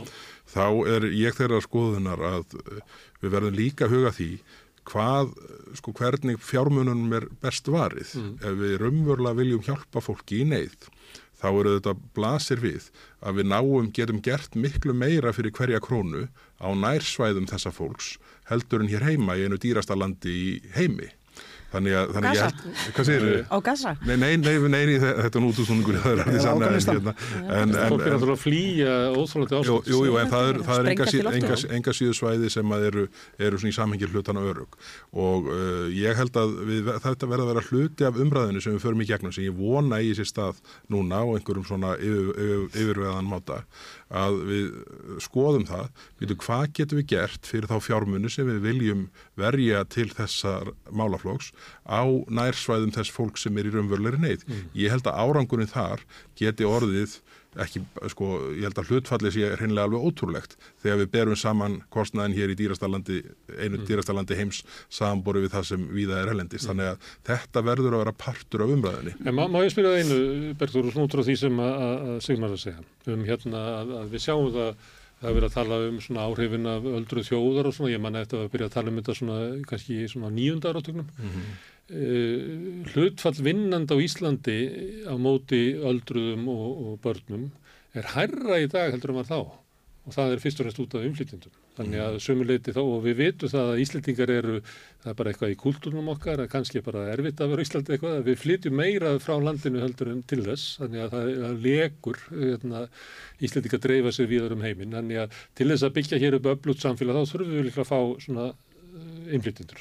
Já, það er náttúrulega, það, það er náttúrulega þróun sem hefur verið Já, og, hefur og, verið. hérna, og, og það, til þess höfum við ákveðna ferla og farvegi. Sko. er 70.000 En- en það- mann sem eru innflytjendur að einhverju Já, viti á en- Íslandi í dag. Það, til að þess spyrja höfum því við að nefnir farveg, töluna en, en þess vegna til, verndarkerfið er ekki til þess ætlað. Já. Það er punkturinn hjá mér. Já, já, en, en eftir sem áður þá kemur fólk þar inn og það er alveg eins fólk eins og þeir sem að koma hérna inn í gegnum ykkur starfsmannalegur. Þetta er bara, fólk sem að myndi nýtast okkur alveg eftir vel. Og að því hún nefnir tölunum það 15 miljardar og svo hefur hún nefnt 5.000 manns á ári. Það eru þrjár miljónur á mann. Ég reknaði einhvern tíman að því að vanta bara hvað, hérna, hvað spöru við á því að fá hérna, fólk á vinnu aldrei hingað inn. Þannig að við þurfum ekki að, sko, að ala það upp þangar til að kemst út á vinnumarkaðin. Og mér reknaðist til að þetta væri svona nála 74 miljónum. Og ég var að segja, kannski ættum við bara að skjóta með rakett í hvert skipti sem einhver kemur hingað og vill blandast inn í samfélagið. Ég er bara að velta fyrir mig þessi svona, er, er, er engin svona mannöðs, uh, að horfa á þetta fólk sem er hingað að koma, sem einhver svona mannöð sem að getur gert gott fyrir okkur, þurfum við alltaf að horfa á það að við þurfum að gera eitthvað gott fyrir þau. Já, til, við höfum kerfi til þess. Þannig að við skulum nota þau. Já, En ég skiptir eitthvað máli, er þetta ekki bara computer say no, getur ekki verið að sagt, er þau kontu bara þá í þetta kerfi?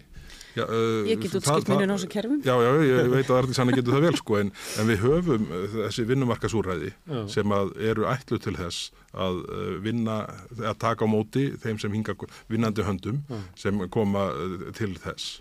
Uh, verndarkerfið er ekki til þess ætlað og það er það sem ég held að við ættum bara að leggja mjög skýra línu með.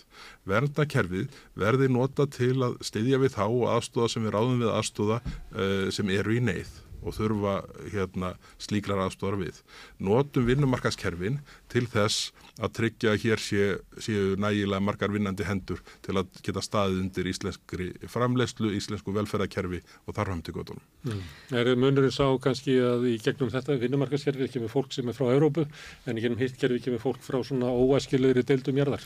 Uh, sko eini munurinn í rauninni á dvalarleifi, sem sagt á ferlinu við dvalarleifi sem svo, til dæmis á grundulli stöðu flótamanns og dvalarleifi á grundulli til dæmis atvinnuleifis sem eru mjög fá, mjög þröng og þau eru mjög óagengileg fólki utan EES er sá að meðan þú býður eftir svari við hælusum svo, þá máttu vera á landinu.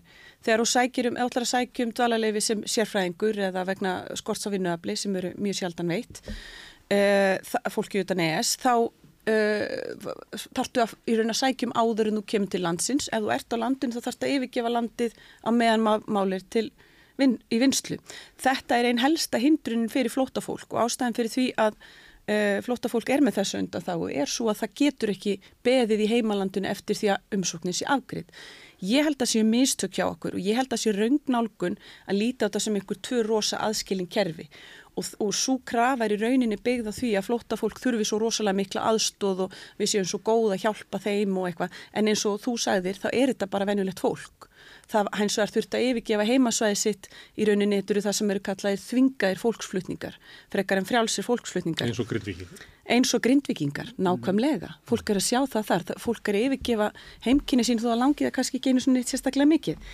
Uh, sko þetta varðandi uh, nærsvæði fólksins, mér langar aðeins að nefna það, við höfum bara svakalega litla stjórn á því sem er að gerast í, a, á nærsvæðum þess að fólks og ég bara vildi óska þess að þetta væri rétt ert að segja að krónunu væri betur varið þar vegna þess að þá sannarlega væri það það sem að öll, vilja vegna þess að flestir Ég meina þá líka bara þurfti þetta fólk ekki yfirgefa heimkynnu sín sem það vil ekkert gera. En ég held að ef við gætum það þá væri við nú búin að gera þá. Við erum með hjálpastar víða um heim og við erum með þróuna samstar og annað. En hins vegar þá er fólk gjarnan að flýja vegna þess að það er hinnlega búið að sprengja landið þeirra í tætlur vegna, sko, verður alltaf síu auki í framtíðinu vegna lokslas ástana. Hvernig ætlum við að lasa, leysa það? Ætlum við að laga það? Við getum það ekki, við höfum ekki stjórn á því. Þannig að það er ákveðin vittleysa að vera alltaf að tala um það fyrir utan það að þar er lang, lang ef við tölum bara nágrannasvæði þessar fólks, það er langstæstur fjöldi, langstæsti hópurinn er nærlig, á Líbanon og vegna Sýrlandi. fólk vil vera þar sem að það skilur tungumálið, skilur menninguna og raunar sína rannsóknir ég á nú alltaf eftir að grafa, grafa þetta upp aftur og samantekta á alls konar hagfræði úttektum sem síndi það að e, í rauninni hvort sem úr með þvinga fólkslutninga eða frjálsa þá er það sama, ég ætla að lega mér að segja típan sem fer til annars lands uh, og svo sem ákveður að vera. Það fullt af fólki sem ákveður að vera. Fullt af fólki sem segir bara ég ætla frekar að deyja í Sýrlandi heldur en á guttum Gríklands eða eitthvað staðar í einhver okkunnu landi í stend með mínu landi og það er eitthvað í kringum 85-90% fólks uh, og er á sínu nær svæði. Það er brotabrót sem fer og það er fólk sem hefur það sem er kallað uh, segla, resilience. Það er gerðnar fólk sem er með, svona, með opin huga, svona viðsýnt, reyðubúið að uh, kynnast öðrum menningarheimum. Þetta er, þetta er típan sem flyttur til útlanda bæði frá Íslandi og frá jafnvel stríðsafum ríkjum. Þetta er típan sem fór til vesturheims hérna, Íslandsóðinni. Já, og ég menna og er að yfirgefa Ísland núna og en sko það sem mér svo áhugert við þetta var að, að sko prósundumunum var bara ekkert rosalega mikill eftir því hvort, hvort möguleikarnir á flutningum voru, voru þvingaðir að frjálsi, þess að það er samt sami einstaklingurinn sem ákveður að fara. Uh, annað uh, varðandi þetta með uh, þú kallar það segul áhrif sem er ágættist þýðing á því sem hefur lengi verið kallað á einsku púlfaktor, við erum með púsfaktor sem að íti mm. fólki frá heimkinum og púlfaktor sem að laða það mm. og ég veit ekki okkur við erum alltaf að reyna að hafa minni púlfaktor og ég hefði haldið að það væri jákvægt fyrir okkur að gera okkar ríki aðlandi en sannarlega er ekki allir samála því. Bjarni tók nú mikla áherslu á þetta við mættum ekki hafa sterkari segul heldur en Norðurlandin. Við viljum ekki vera á aðlandi sko. Við viljum alls ekki vera betri en heinir. En það er náttúrulega rétt að nefna þessi sigmanendi á Norðurlandin eru mjög ólík þegar kemur þessu en það sem ég ætla að nefna Já. Það sem er mjög, mjög líklæra og það, það getur engi sagt þetta fyrir víst, þetta eru allt ágískanir, hvers vegna fólk kemur ynga, hvers vegna Venezuela búa kominga í, í meira mæli en, en til margar annara ríkja það er ekkit ólíklegt að, að sko, stærri þáttur í því sé bara hreinlega að það er lítið atunleysi hérna. Það eru aukin atunutækifæri og, og sko við, við, ég spurði oft mína skjólstæðinga af hverju valdur Ísland. Mm. Langalgengasta svari var uh, það eru svo fáir hérna. Ég held að þau ykkur myndi vanta fólk. Uh, Anna var náttúrulega, ég hef heyrt að þið verði mannréttindi. Þannig að já, ok, við ætlum að snúa þeim púlfaktor við, þeim seguláhrifum ef þú ekki bara hætti að vera með mannréttindi þetta snýst allt um það hvernig samfélag við viljum bú í, hvernig samfélag við viljum byggja upp og að meðan við gerum það og hugsun það frá því sjónarhóttni þá held ég að við þurfum einfallega ekki að hafa ágjur af þessu. Mm. Ég byrjaði einhvern veginn að, að ég held að, með minni það, að, hérna, að við erum að gangi hérna mikla breytingar. Það hefur verið meiri fjölgun innflýttind á Íslandi heldur en bara viðaskonarnastar. Það voru eiginlega sára fáir hérna bara um aldamáttin og nú eru innflýttindur odnir sko 20% og meiri það kannski 70.000 manns og telur sko allt með hvað getur flokkað sem flytnur. Þannig að við erum gáðið ínum mikla breytingar og við ættum að hafa svona þroska sem samfélag að ræða þessa breytingar og, og þú bendir á það að við gerum í lofu lítið á því og, og setja ekki það sem litur undir það. Við Samála því. því. Og þá komum við kannski stjórnmálavettóknum sem að fær úrlösnarefnin í, í sín hendur. Er, er það góður vettvangur til þess að fara með þessu umræðu? Því að stundum þegar maður horfir á, á, á ykkur og, og ég hef ekki verið að nugga úr því en það er gerðið kannanir á því að það er ekkert íkjæm ekki tröst á allt ekki og að sömuleyti byrtist það þannig að að, að, að að að bend á ykkur þá kannski verið þannig að Bergþór verið að tala bara inn í sinn hóp og þú verið að tala inn í þinn hóp og, og þú verið að tala inn í þinn hóp og þið værið vel ekki að tala saman. Þið verið bara öll að reyna, horfa okkur á skoðanakarðinu að fara úr ykkur sko, 10,7% í 11,8% og að gláði þann daginn. Að það er vel ekki svona kannski engin svona geta í, í, í stjórnmálunum. Þið getið bundið söndu saman um að taka á móti grindvikingum en það er bara svo langt frá því að þið getið svona rætt þessi mál af ykkur þannig í þessari málstofu sem er hann að neyri við Östuföll þannig að það kom eitthvað vitt út úr þessu. Er, er, er þetta nú ekki ósangjörð gaggrinni hjá þér? Því að ég held að, held að þetta sé, uh, uh, það hefur fyrst og fremst vantað að við tækjum þessi mál til umræðu. Það hefur ekki gert það. Nei, það hefur vantað mikið upp á það sko. Já, og, og, og, og sko, ég held að uh, það sé ekki öðrum til að dreifa en stjórnmálamönunum til að ræða þetta uh, upp á framtíðarlust næri að gera því að þetta er nú, við stöndum frammi fyrir kjósöndum okkar með reglulegu millibili. Ég held að það sé ekki vanlegt til árangurs að setja þetta í uh, fangið á einhverjum ókostnum embætismönnum sem að, sem að uh, engin nær samtali við í neinu samingi á nokkrum tíum. Ég, ég var ekki betra... ég var frekar að spyrja ykkur hvort að, að sko þingið geti lift sér upp og að, að ræða þessi mála ykkur svona... Ég myndi halda það. Já, Já, ég hugsa sko, það, það er nú þannig að hérna, það er, er rætt í sáttum alls konar mál en, mm. en hérna, það er kannski bara mjög eðlilegt að það sem að fókusin er á eru hittamál dagsins, mm. eðlilega og þannig er það þá kannski myndin sem að menn hafa á alþingi og auðvitað er líka þannig að ef það er lítið tröst á alþingi þá er það engin eitt flokkur sem tekur það sérstaklega til sín, það er alltaf öllum en hérna, sko, jújú jú, það er alveg hægt að ræða mál á þroska þarna og, og, og, og alveg mikið gert af því. En við erum auðvitað líka stundum að takast á bara á einhvern svona hugmyndafræðilegum forsendum. Og eh, mér finnst og það er nákvæmlega það sem ég er að segja hérna. við erum of fókusverið á pínu lítinn hóp innflytjenda mm. sem er líka fólki sem er í sko, berskjaldari, já, sem eru berskjaldarist stöðu vestu stöðu og, þið sinnið ekki þessi innflytjendum íslensku kjænslunni og margt sem að þau og það tekur yfir einhvern veginn alla umræðina sko. það er ógnin, það er það sem við þurfum að passa á allt þetta en svo við ekkert að velta fyrir okkur öllum hinum sem að geta komið hérna inn bara eins og, eins og þeim hendar sko Þú veist þannig að umræðan er þegar við erum að tala um innflytjendur og það hvernig útlendingar koma hérna, hvernig er aðlað samfélagin og allt þetta, þá erum við alltaf að fókusera á alveg ótrúlega lítinn hóp sem alveg yfirtekur hérna alla umræðina. Þú veist, það eru auðvitað, ég, ég ætla bara að lefa mér að segja það, það eru auðvitað þannig að þegar að líður að kostningum og ég held að það sem nú farið að, að glitta í það svona í innra minni stjórnarflokkana að það getur nú bara komið til þess að það verði mm. kostningafljóðlega að þá fara menn í ykkur stellingar. Það sem að Bjarni var að gera, hann var að uh, eh, gaggrina tjálbúðunar en hann veit alveg að hann er að gera það kannski svolítið kvast. Ég veit hins vegar ekki hvort hann átti sig á því að hann er auðvitað að fá þá fram alla þá sem að auka fylgst tala. Þetta er kallað púkablístrað í bandarsku Já, ég, þú veist, ég ætla ekki að gera bjarni upp einhverjar annarlega kvatir í þessu, en þetta var svona þetta var ekki, hann var ekki nú varkár sem utaríkisráð þegar á formaður í stærsta stjórnmáluflokkum að tala þarna, svo, svo, svo orðið það bara þannig. Og við verðum ekkert veginn að komast út úr þessum skotgröðum, en innflýtjandamál og útlendingamál, þetta verður oft mikið hérna, hitamál þegar dregur nær kostningum, einfallega eins og ég, vegna þess að ég sagði á þann það er eitthvað í mannskeppninni sem að gerir það verkum að við erum stundum í einhverjum stellingum gagvart því sem að kemur á utan. Það er auðvelt að fóðura umræðu þannig að ógnin kom alltaf á utan. Við þurfum að standa vörðum okkar og mm. passa upp okkar og, og hérna, það er einhverjir það núti sem er að koma sem er mögulega að skemma það.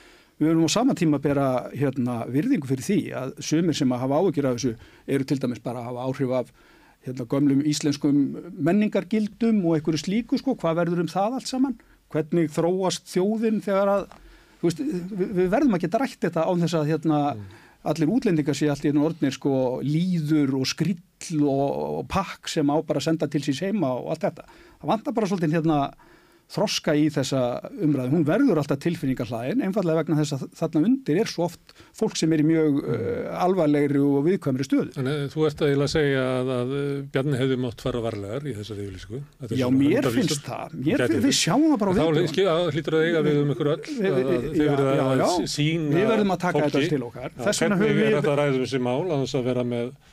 að við talað fyrir sí, Gunnar Smári, að, og sem að Katrín Jakobsdóttir tók mig vil í að flokkandir kemur sér saman um það að reyna að ná einhverju meiri sáttum þennan málaflokk og mér finnst að þegar við erum að tala um fólk sem er í mjög viðkannu stöðu, ekki bara hælisleitendur, heldur líka fólk hér innanlands uh, að þá sé, þá eigi stjórnmálun leggja svolítið mikið á sig að hafa kerfin þannig að við Veist, höfum þetta öll einhverjar aðtúasendur við og annað en svona breyða myndin og stóra myndin sé þannig að það verði ekki mjög mikil heift í umræðinni. Vandin er líka sá og þú komst inn á þetta á þann það er ekki lægi þegar það er alltaf verið að tefla hópum upp á móti hverjum mm.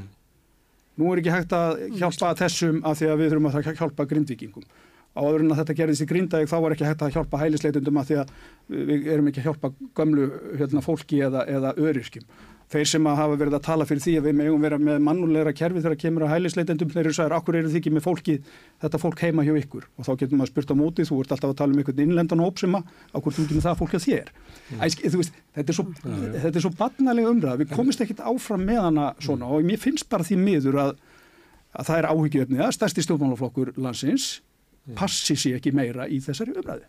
Mér finnst það að því að vegna þess að þú, ert að segja sko, fólk ber ekki mikið tröst til alþingis en það er oft bara þannig að í samfélagsumræðinni þá er tótnin gefin þar Ég, en, en ég held, sko, ég vona að þetta sé upptakturinn að því að sjálfstæðisflokkurinn mæti uh, á svæðið til að ræða þessi mál. En ég óttast að það verði einhver byggð á því, að því nú ef við horfum bara á að því að þú nefndir áðan uh, ræðu uh, uh, Bjarnar Benditssonar á tröppunum og bestastöðum eftir ríkisráðsfundin þegar Guðrun Hafsteinsdóttir tók við sem dómsmálur á þeirra. Uh, þá, þá var nú svona margar sömu setningarna í, í, í statusnum hann á förstu daginn en í millitíðinni hefur ekki margt gerst. Þannig að ef að þetta er afstafa sjálfstæðisflokksins þá er annarkvort úr, er, er hún ekki að byrtast vegna samstarfsins og hvernig það er sett saman eða af því að þetta er ekki raunverulega afstafa og, og ég held að við náum því ekki fram nema ræða þessi mál inn í þinginu og ég bara eins og ég segi, ég vona að þetta sé upptakturinn af því að sjálfstæðismennir mæti til þeirra, þeirra samtals. Já, þegar Sigmar tala svona sver um, hérna pólitíska samstöðu uh, Þorgerur talaði við Katrínu Já, og Guðrún Hafsteistóttir hefur Ég er eiginlega næstu vissum að þér fannst sko þveð farlega lagafrumvarfi frá 2016 hafa verið handónýtt. Já, það er algjörlega. Og, þú mútið freka að vilja bara koma með eitthvað, hérna, eitthvað sem línur sem er líkar ykkar, fá samstöðu með sjálfstæðarfloknum og eitthvað sem að, kannski eitthvað flokki fólksins og ná þeim breytingum í gegnum með meiri hlut á þingi, frekar heldur að búa til eitthvað svona þverrfaglega niðurstað sem allir hafa neitunavald sem er kannski vandamálið í ríkistöðunni sem við höfum. Ég, ég held að sko, ég hef alltaf tölvört miklar evasemdir um þessi þver, þessa þverrpólitísku hópa um henn ímsumál, mm. ekki bara, bara þetta. Það verður að vera gaggríni líka á þær hugmyndir sem formast inn í svona grúpum ef við kollum það það. Þannig að, þannig að ég hef evasemdir um þessa nálgun sem Þorgerur Katrín stakk upp á en ég held hún sé enga síður góðra gæld að verð bara til þess að sko koma umræðan að stað. En það er ekki mörgmál flókinmál það er að segja sem hafa verið sett í þverrpolítískan farveg sem er hafa þótt skila lausnum sem að endust vel og hérna, þannig að, þannig að ég, ég held að bara gaggrínin utanfrá sé svo mikilvæg. Hvort sem það er einn eða allir stjórnaranstöðuflokkarnir gagvart ákveðnum máli eða jafnvel innan úr ríkistjórninni við megum ekki sko múlbinda þá sem að hafa evasendinu þá lössenlöður á borðið.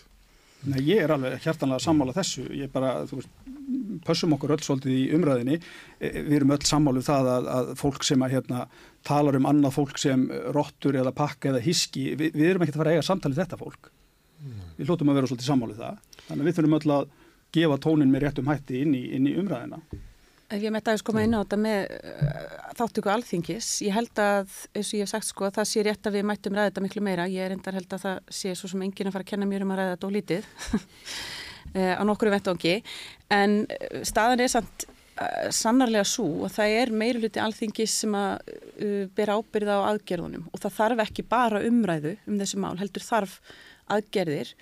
Alþingi fer með fjárveitingarvaldið og þá á ég við meiri hluti alþingis mm. og það sem að hefur verið að gera undarfarið er að peningarnir eru að fara í það að senda skilaboð til í rauninni svona tiltölulega lítils hóps í einhvern veginn þeirri vona fólk hægt að koma uh, í stað þess að verja peningum í akkurat það að leysa þær áskorunni sem við raunverulega stöndum fram með fyrir. Íslensku kjenslu, inngildingarúræði, að styðja grunnskóluna með að taka móti börnum, uh, ná fólki út af heimilum sínum, komið veg fyrir einangrun og annað. Ég held að þetta kosti miklu, miklu minna heldur en þetta þunglamalega kerfi sem við erum búin að búa til sem nota beni breytir einhver, rosalegu um það hversu margir koma engað. Í rauninni þau sem er að koma engað á landamærunum eins og staðan er, í rauninni öll þau sem að mögulega geta komið í því kerfi sem við erum í bara á alþjóðavettvangi, landamæra samstar sem við erum í og það er engin að tala um að breyta því það er í rauninni síðustu ár bara að verið herða þá, það er verið að herða það ennþá meira núna. Það er engin að tala um breytingar á landamærunum sem að stjórna því einhvern veginn hversu mörgi koma til landsins. Þetta snýstu það hvernig við komum fram við fólki sem mætir hérna á þröskuldin og það, það sem ríkistjóttin er að gera, meiri lutin og alþingi hefur verið að gera, er í rauninni að nýðast á tiltöla litlum hópi til þess að senda einhver skilaboð sem sko búa til miklu starri vandamál heldur en þau leysa. Þau leysa enga vanda þannig, þau eru ekkert að hafa teljandi áhrif á fjöldan sem leitar enga, þau eru svo að búa til vandamál sem að verða okkur geta orðið okkur gríðalega kostnæðsum ef við stúum þessu ekki við. En uh, má ég spyrja kannski Artisann, sko, af hverju heldur að það sé að umsóknir uh, um hæli til dæmis í Nóri og Danmörku sem að verður ná að teljast líðræðis og mannriðta ríki í öllu, öllu samhengi, á hverju þær séu svona miklu færri þar heldur en hérna? Þetta er mjög góð spurning vegna þess að uh, þessi tölfræði umræða hún er, hún er ótrúlega, eins og þú orðaðir það vel á hann, það er eitthvað skakt, það er eitthvað skakt hérna. Það sem er skakt hérna er það að það er alltaf að tala um eins og við séum einhver allsæri tölfræði sem við getum búið saman, kerfin séu öll eins hérna, Ísland stendur séu einhvern veginn, sker sér úr og með einhver að segla út af því, það er bara ekki raunveruleikin. Staðan er svo að uh, ríkin þau telja hlutuna ólíkt, Uh, til dæmis eru mörg þessar ríki sem við erum að bera okkur sama við hafa ekki viðukent Palestínu sem þýðir það að Palestínumenn eru flokkaðir sem ríkisfangslausir mm. uh, þau eru með önnur kerfi það, það er ólík kerfi á milli líka Norðurlandana og annar Európuríkja sem eru með það sem er kallað tímabundin vernd eitthvað sambarilegt sem að væri hægt að kalla hér á landi, það er mannúðarleifið eins og við veitum til dæmis úkrænumönnum og það gerir það í sumum kerfum að verkum að þeir einstaklinga far bara ekki hreinlega inn í tölfræðina eða eru taldir undir einhverjum öðrum hugtökum.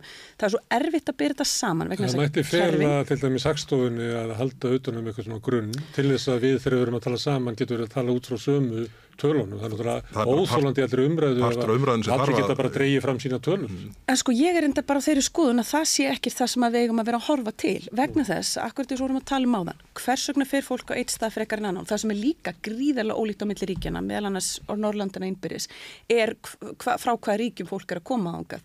Það sem er líklega að hafa áhrif á það hvert fólk fer, hvað landa velur þegar það ákveður að flýja er hversu marga það þekkir. Það er oftast þess að sá hópur frá því svæði sem er þar fyrir.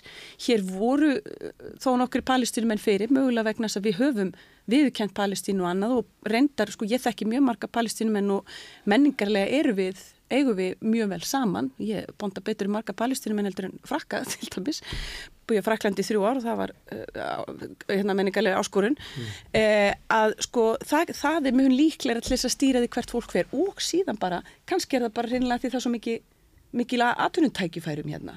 Þessi þættir, það er svo erfitt að segja og ég held að við ættum alltaf að skoða þetta út frá því bara hvernig samfélag við viljum byggja, hvernig samfélag við viljum búa í og við hefum að setja orkuna og peningana í þau verkefni sem við stöndum frammi fyrir frekar en að vera eitthvað að láta eins og við getum eitthvað stýrt í, þú veist, hversu margir fara hvert, það er líka bara ekkit góð leið til þess að stýra þessu vegna þess að aðstæðir eru ólíkar um milli ríkja. En þegar við erum að spurja hérna, okkur koma fleiri frá þessu landi hingað mm. en þangað, sko, þú veist, þú getur tekið út einhverju önnur Európaríki og spurt okkur koma miklu færri til Íslands frá einhverju öðru ríki heldur en færri til Þískalands og allt þetta, sko. Mm. Þannig að þetta er oft svona svolítið, hérna, erfitt að... Það er stundum svolítið upplýsinga óreiða í þessu. Það er til dæmis eins og Ardís er að nefna þetta, eins og Ardís er að nefna, sko, þegar nú er verið að tala um palestinufólkið að, að sko er það með sama hætt inn í tölfræði hinna Norðurlandana. Nú er maður að heyra það að það sé ekki þannig, en samt eru við alltaf að tala þannig. Sko. Ég ætla að, hérna, gamla tala við ykkur, mm. ég ætla að spyrja í lokin, heldur þetta að verði kostningamál þegar að verði gósið? Gefum okkur að verði gósið vorið 2025? Já, þetta verður svona eitt af, af þeim málum sem mikið verður rætt. Það er svolítið erfitt að skiknast inn í framtíðina með það. En, uh, þetta verður kostningamál í öllum euroblutum. Já, já, og ég menna það er auðvitað ekkit óðurlegt að, að, að við viljum ræða þetta því að við erum auðvitað líka að, að tala um það hvernig við viljum að samfélagið okkar líti út til lengri tíma, hvernig við viljum koma fram í náungan og hvernig við viljum byggja upp samfélagið og allt þetta. Þannig að auðvitað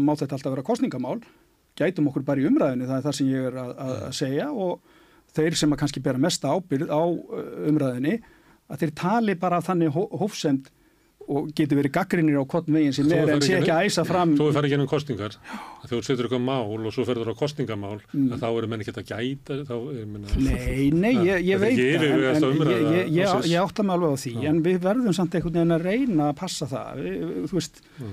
sérstaklega þegar undir er fólk sem er í alveg ótrúlega viðkamri mm. stöðu mm. við viljum við endilega að samfélagið sé hér bara rífa, allir sé að rífa hvernig annan og hól út af einhverjum íslendingum sem eru viðkonustu. Við viljum það þetta helst ekki. Artís, verður þetta kostingamál?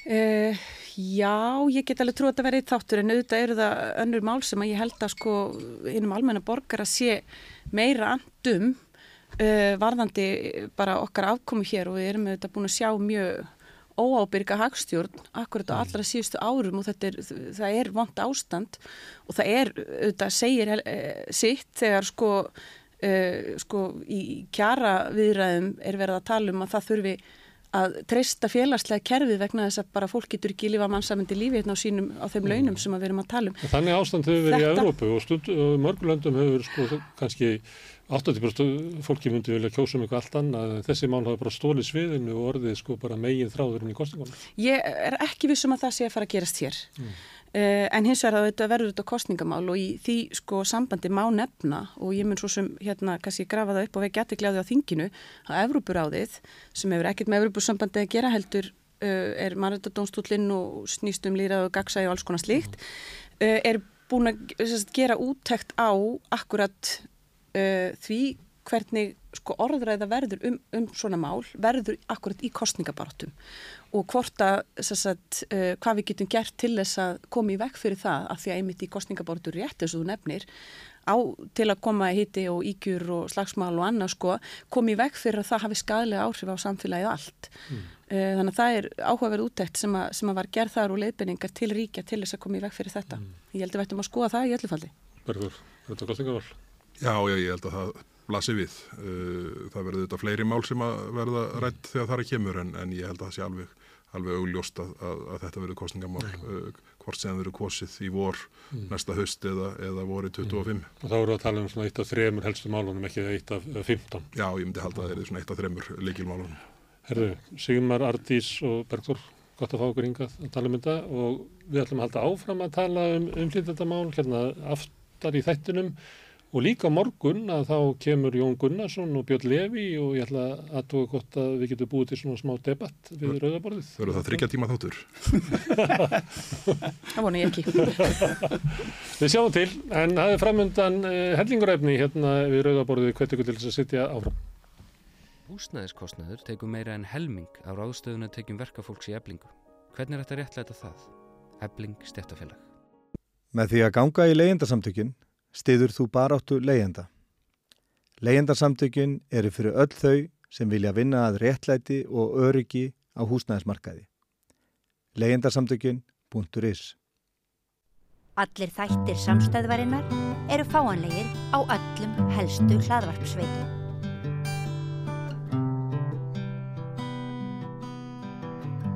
Já, eru það spennandi tímar í pólitíkinni eins og sagt er. Það eru svona sviftingar, uh, náttúrulega sérstakri, sérstakri stöðu, ríkistjótt sem stendur veikt en með já, það sem allir meta sem ótrúlega stór verkefni framundan, ekki bara Grindavík, heldur uh, kjarasamninga, það er húsnæðiskreppa, það eru hérna flestir íslendingar geta bara sest niður og skrifa langanista, það sem ríkistjónin ætti að vera einbættis að, en hún er veik Og svo gerist það núna á föstudaginn að, að Bjarni Bendiksson sendi eh, frá sér Facebook-status og mætti svo í Silfrið í, í gær þar sem hann var meðan annars að ræða svona það sem að Simru Davíð allavega sem einu sinni var stjórnmálaskýrandi tólkaði sem eiginlega svona stefnubreiting og stórtíðindi í Íslandur stjórnmálum sem að var uh, kvassari áherslur í innflytjandamálum, getur orðað það. Til þess að ræða þetta hér eru komnir uh, þrýr menn, það er Hallur Magnússon sem er eitthvað fyrirtæki í byggingafransunum, Guðbjörn Guðbjörnsson sem er formaður tollvarðafélagsins og stjórnsýslufræðingur. Og svo kemur allir Þór Fandal uh, frangatastjóri Transparency uh, International á Íslandi hér eftir er rétt ókomin. Má ég byrja á þér að því að þú er nú í Þú ert komin inn í sástaflokkin aftur. Já, ég er búin að vera nokkur ár. Já. Þegar ég gekk í hann, þá, þá, þegar ég gekk í flokkin, ég setti þetta á Facebook, þá ringdi bæði Guðlugur Þór og Bjarni í mig. Já. Þóttu vænt um það. Já, já. Og þú hefur verið mjög ánæður með Bjarna. Já, ég hef verið það. Ég er ánæður með Bjarni í dag? Já, ég er ennþá ánæður með hann e, núna, heldur en ég var fyrir helgi. Já. Já? Mér finnst þessi fæsla bara mjög góð sem hann var með þarna og ég held að sé nú svona flestir sjálfstæðismenn mér sammála og mér síndist nú með við, það, með við þessa spurningu sem var lögð fram á bylgjunni, var það ekki á gæraða rétt núna um já, Já. kostning. Það við tökum Það er kannski ekki að marka á hana, ég er alveg sammála Þetta er og út að saga. Já, já, ég veit, ég veit en samt sem áður, ég held samt sem áður vörubílstjórinn að vera fórsetið með 98% atkvæð? Já, já, ég veit að með svona það sem ég heyr út í þjóðfélaginu þá er engin almenn ánægi með þessa tjaldborg sko. Nei. Ég held að Bjarni sé það ekki, en hann er ekki inn um populisma, ég held að hann sé bara að segja sína skoðun og ég held að hann hafi leið á sinni skoðun mjög lengi í þessu málum. Já, það þarf ekki að vera ánægja þið tollverði geta verið í einhverju verkvalli bara nokkri kallar Mhm. og það er kannski ekki alveg ánægja með það en þið megið alveg stunda ykkar aðgerðir og tjáningafrelsi í líðræðslu Við erum ekki með verkfallsrétt fyrir kannu lauruglan og fangaverði, þannig að getum vera ekki það. verið í neinu Nei, verkfalli. þið mættu vera í mótmælum yfir því Já, já, ég alveg, og ég er alveg sammála því, ég er al, algjörlega, það, ég þarf ekki að vera hlindur því eða ansnúin því að það, þetta er náttúrulega bara réttur hvers manns að mótmæla, ég er ekki að segja að það sé ekki lægið, en það náttúrulega gildir kannski, það er ekki alveg það sama að mótmæla einhver staðar og, og slá uh, upp tjaldborg einhver staðar og sofa þar vikun saman og, og annað, þetta, er- þetta er ekki alveg hægt að mér finnst þetta svona að menn eru svolítið út á þekju þegar, þegar menn tala á þennan hátt. Og, hann, þú uppfylgur það að Bjarni sig að, að finna að forminu á þessum mótmælum. Já. en hann er reynda líka að, að hérna, efast um hérna, það sem er verið að mótmæla. Og hann er Ég að, veit ekkert hvort að hann er að tengir, gera það. Ég tengir að þetta að það sko- þurfa að vera breytingar í innflytjendamálum? Mjög stann ekki tengja þetta konu í annari málskræn þetta er náttúrulega bara kannski eitthvað sem að við sjáum flest held ég, ég held að flestir íslendingar sjáu það að þetta við erum komin svolítið út í, út í móa með þessu útlendingastefnu og uh, sáum hann á Rós í Hafnarfjörðabæði þar sem hún er að segja innviðir bæjarins ráð ekki lengur við þetta Já. við vitum það að ég uh, er nú svona pínlítið tengi ég nú í söngkennari líka og, og svona ég sé- ég hitti svolítið að kennurum og maður finnur alveg að, að, að allavega grunnskólakennar að, að, að, að innviðirnir varandi grunnskóluna, þeir eru eh, þeir eru útþandir það er Já. að segja og við finnum því heilbriðskerfinu, kerfinu allstaðar að, að hérna það, það, er, það, er, það er margt að láta undan. Landsmannum fjölgað, það voru 3% á síðast ári Já, já. sem er landsmannum fjölgaði, Já, það er ekki helgisleitur ekki allt saman, nei, nei, nei, nei. ekki allt saman, bara, ör, bara varla já. það ma- mælir það. 4000 eða sem komum síðan Nei, já, það er svona 1% ha, já, ég sammála, það er 1% já. já, þannig að það er eitthvað að innviðunum. Já, þeir, eru líka, þeir, já, ég er sammálaður, ég sammála mörguleiti því sem þú sagðir hérna í formólanum að, að þessi ríkistjórn hefur náttúrulega þetta 6-7 ár og, Mm. innvið og annað. Þa, það er ekkert annað hægt að segja. mm. Ég get ekki verið ánæðið með minn flokk, sjálfstæðisflokkin eins og hann hefur staðis undan fyrir 6 ár. Mm. Það er alveg ljóst og ekki heldur, get ekki heldur verið ánæðið. Ég, ég reyndar, uh, það er nú vinstalt núna að segja að, að hérna, að, að við, við séum búin að vera með dónsmálaráðandi hvað í tíu ári eða hvað það er þeir eru múin að vera meira og minna á líðvistífunum Já, en, en hérna það er náttúrulega erfitt að gera eitthvað sem ráð þegar þú kemur aldrei inn lögum í gegn og kemur aldrei inn stjórn á málaflokkin og það er það sem við erum að horfa upp á og það er það sem Bjarnir umverulega var að segja. Já, það er náttúrulega það sem að stjórnmálamenn vinna við að, að búa til hérna, samstöðum til þess að ná málum í gegn. Það getur alltaf verið þannig annarkot náum við meira held- ef við náum engu í gegn. Nei, og ég held að það sé bara staðrend að, að hérna ég, ég ekki að bara gera lítið úr því. Ég held að mikil meiri hluti þjóðurinnar hafi hreinlega bara verið þeirra skoðunar að, að, að ekki kannski beinta að við ættum að vera með no borders stefnu en, en ég held að stór hluti þjóðurinnar og stærstur hluti 60-70% hafi verið ekki séðan eitt vandamál hvað þetta varðar þar til fyrir kannski nokkru sex mánuðum við einu ári síðan og síðan hefur þetta verið ágjörast núna eftir á, á undanföllnum kannski, já, ári. Hallur, hvernig lítur þetta út frá miðjunni? Þú er nú svona rækilega á miðjunni í þessum stjórnmálum Já, vantarlega, búin að vera það eitt aldrei tíma. En hann alltaf út frá, fyrst þú spyrir út frá miðjunni að, að þá er þessi polarisering sem er orðin í, í pólitíkinni, hún er ágefni, finnst mér. Uh, og það er kannski vísa í, í formann minn gamla flokk sem er endur ekki, hún 13 ár síðan var þar. En uh, hann vil samvinnupólitík og ég er uh, sammála því að við eigum að vinna samvinnupólitík. Ef Ekki skoðan, ekki ef ykkur skoðan kastar eitthvað fram og honum er andmælt þá getur það alltaf verið polarisering. Uh, það er polarisering búin að vera í, í, í stjórnmálum. En ef við erum með ólíka skoðanir? Sko. Við eigum að hafa ólíka skoðanir og við eigum að taka stáðum þær, við eigum að setja það fram á borðið og gera, gera það á heiðarlegan hátt og út á því, vinna að, uh, því að ná fram, málum fram á eins, í eins mikil samvinn eins og getur. Það er, það er mín, mín hugsun og mín, mín hugmyndafræði og uh, það er verið að stjórnmál, stjórnmálamenn og sem bara stjórnmálaflokkan sem er ríkistjórn að, að fá ekki sínu fram. Það er ekki hægt að fá öllu sínu fram. Ekki einu sinni innan flokkana sjálfra. Það má ekki gleyma því að það er mikil umræða og oft uh, tölver átök innan uh, flokka um ákveði mál. og Við sjáum nú bara á þessu flokku sem er ríkistöldina, þeir eru allir marg klopnir í dag. Það hefur tæst út úr VFG, hérna, uh, sjálfstæðarflokkurinn hefur klopnað, framsónaflokkurinn hefur klopnað. Þetta er allt flokkar sem hafa klopnað á leiðinni, sko. ég vissulega Mm. og, og Sýnum hérna ágreiningin. Já, innan flokkana sko og í staðin fyrir að, að ná saman um það innan flokkana þá hefur, hafa ákveðinu hópar uh, ákveðið það að fara og einstaklingar að fara úr flokkunum. Ég gerði það sjálfur fyrir 13 árum verðan þess að ég gat bara ekki, það voru ákveðin mál sem að þá voru í gangi sem ég gat ekki persónulega samsam, samsama mig við. Er það ekki mál sem er akkurat á dagskrán En núna? það er mál sem er á dagskrán núna. Það voru, uh, það voru útlendingamáli getur við sagt. Það, þessi, það var þessi uh, að gæla við það að fara frá sem að Jón Sigursson heitin kall, vildi kalla þjóðhyggju minni með hafa notað en var komið yfir í uh, óheilbriða þjóðernishyggju þar sem að vera íta undir það sem að síðan þá hefur og, og en þú er kallað populismi.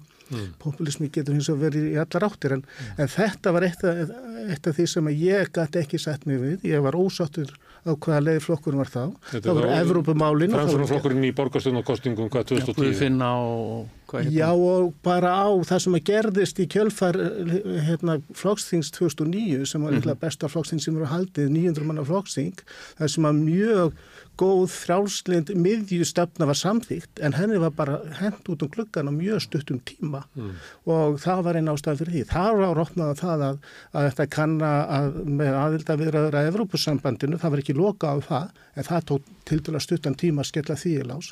Það var eitt af þessum ágrænsmáli sem að ég hafði við flokkin eða flokkur við mig þá, eins og stefna var þá og ennþá, það eru gjaldmiðismálin, það er ennþá þessi, þessi ágreiningur, ég telur búin að halda þau fram í, í, í áratuga, rúmlega áratuga Íslendingar er að teka færisku krónuna, svona ef að menn vilja ekki kalla það evru. Og ég tel að við eigum að, að láta það reyna að fullu að ganga í Evropasambandið og talandu það, að því að hérna, ég var nú að lesa skemmtilega grein vísi í dag þar sem að uh, var bent á það að ef við værim í Evropasambandinu að þá væri nú léttar að taka á þessum vanda sem að er núna í Grindavík sem menn eru að takast á við. En aðeins hérna þú sagðir áðan að, að Þú veik... veik... sagði polarisering. Finnst þér uh, innlegg Bjarna inn í umræðinu núna vera? Er hann að, að, að eh, ganga að reyna að slíta okkur í sundur? Þetta er ekki samvinnupolítik. Já já, en sko í þessu málaflokki það er alveg greinilegt að hann horfir og veit að, flokkurinn að komast í 15% og uh, það er annar flokkur sem er að stefna í 12 Mm. uh, verða þá nánast jafnstóri sástaflokkurinn. Hann veit að hann þarf að ná þar ákveðinu fylgi. Hann veit það að það er ákveðin hluti þessar fólk sem að núna gefur sig upp að stýða miðurflokkin í, í viðhóskonunum sem ég hefast reyndar að haldi, haldi fram, að, fram að kostningum, það, eru, það er hópar og það er fólk sem að uh, hefur stutt sjálfstæðarflokkin og hluti af því fólki hefur verið ekki ánað. Er að færa sig út af þessu málum. Já, ég hérna hugsa að hluta til að færa sig það að gefa sig upp í viðaskonu. Þetta, þetta er náttúrulega þekkt og, og hjá sjálfstæðarflokknum þetta oft er þannig að ef er óanni að þá fari að gefa sig aðeins öðru upp í, í viðaskonum. En aðeins bara út af ríkistjórnum, ríkistjórnin uh, væri veik. Ég held að styrkleiki, eh, styrkleiki ríkistjórnarinnar liggi í því að hún er veik.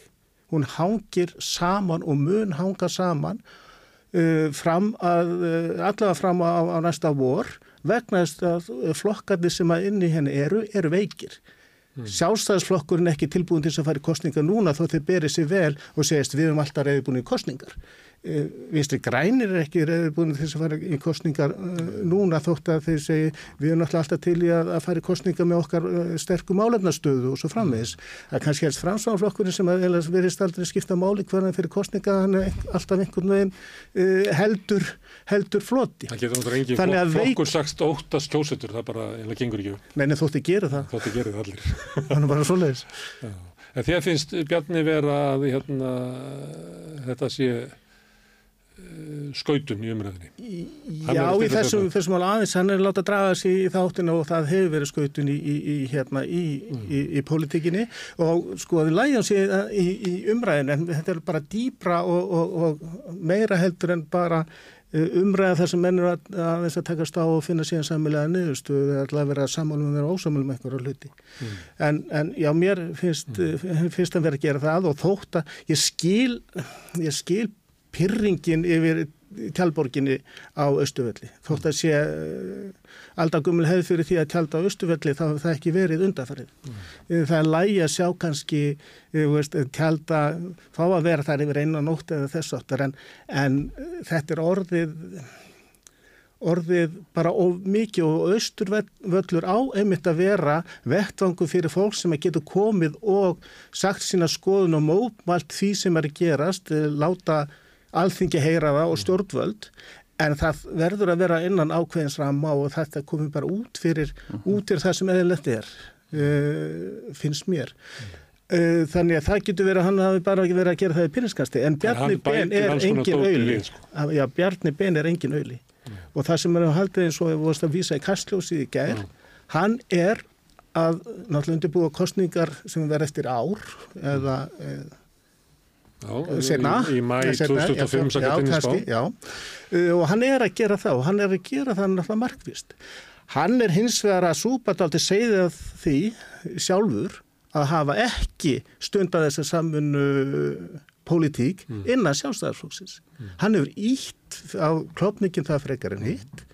Sjálfstæðarflokkunum hefur mist fólk út úr flokknum vegna þess að það hefur ekki verið grundöldur fyrir um, þessari samvinnarflokksins sem að hún er nöðsynlega til þess að vera sem hann var og verður aldrei aftur.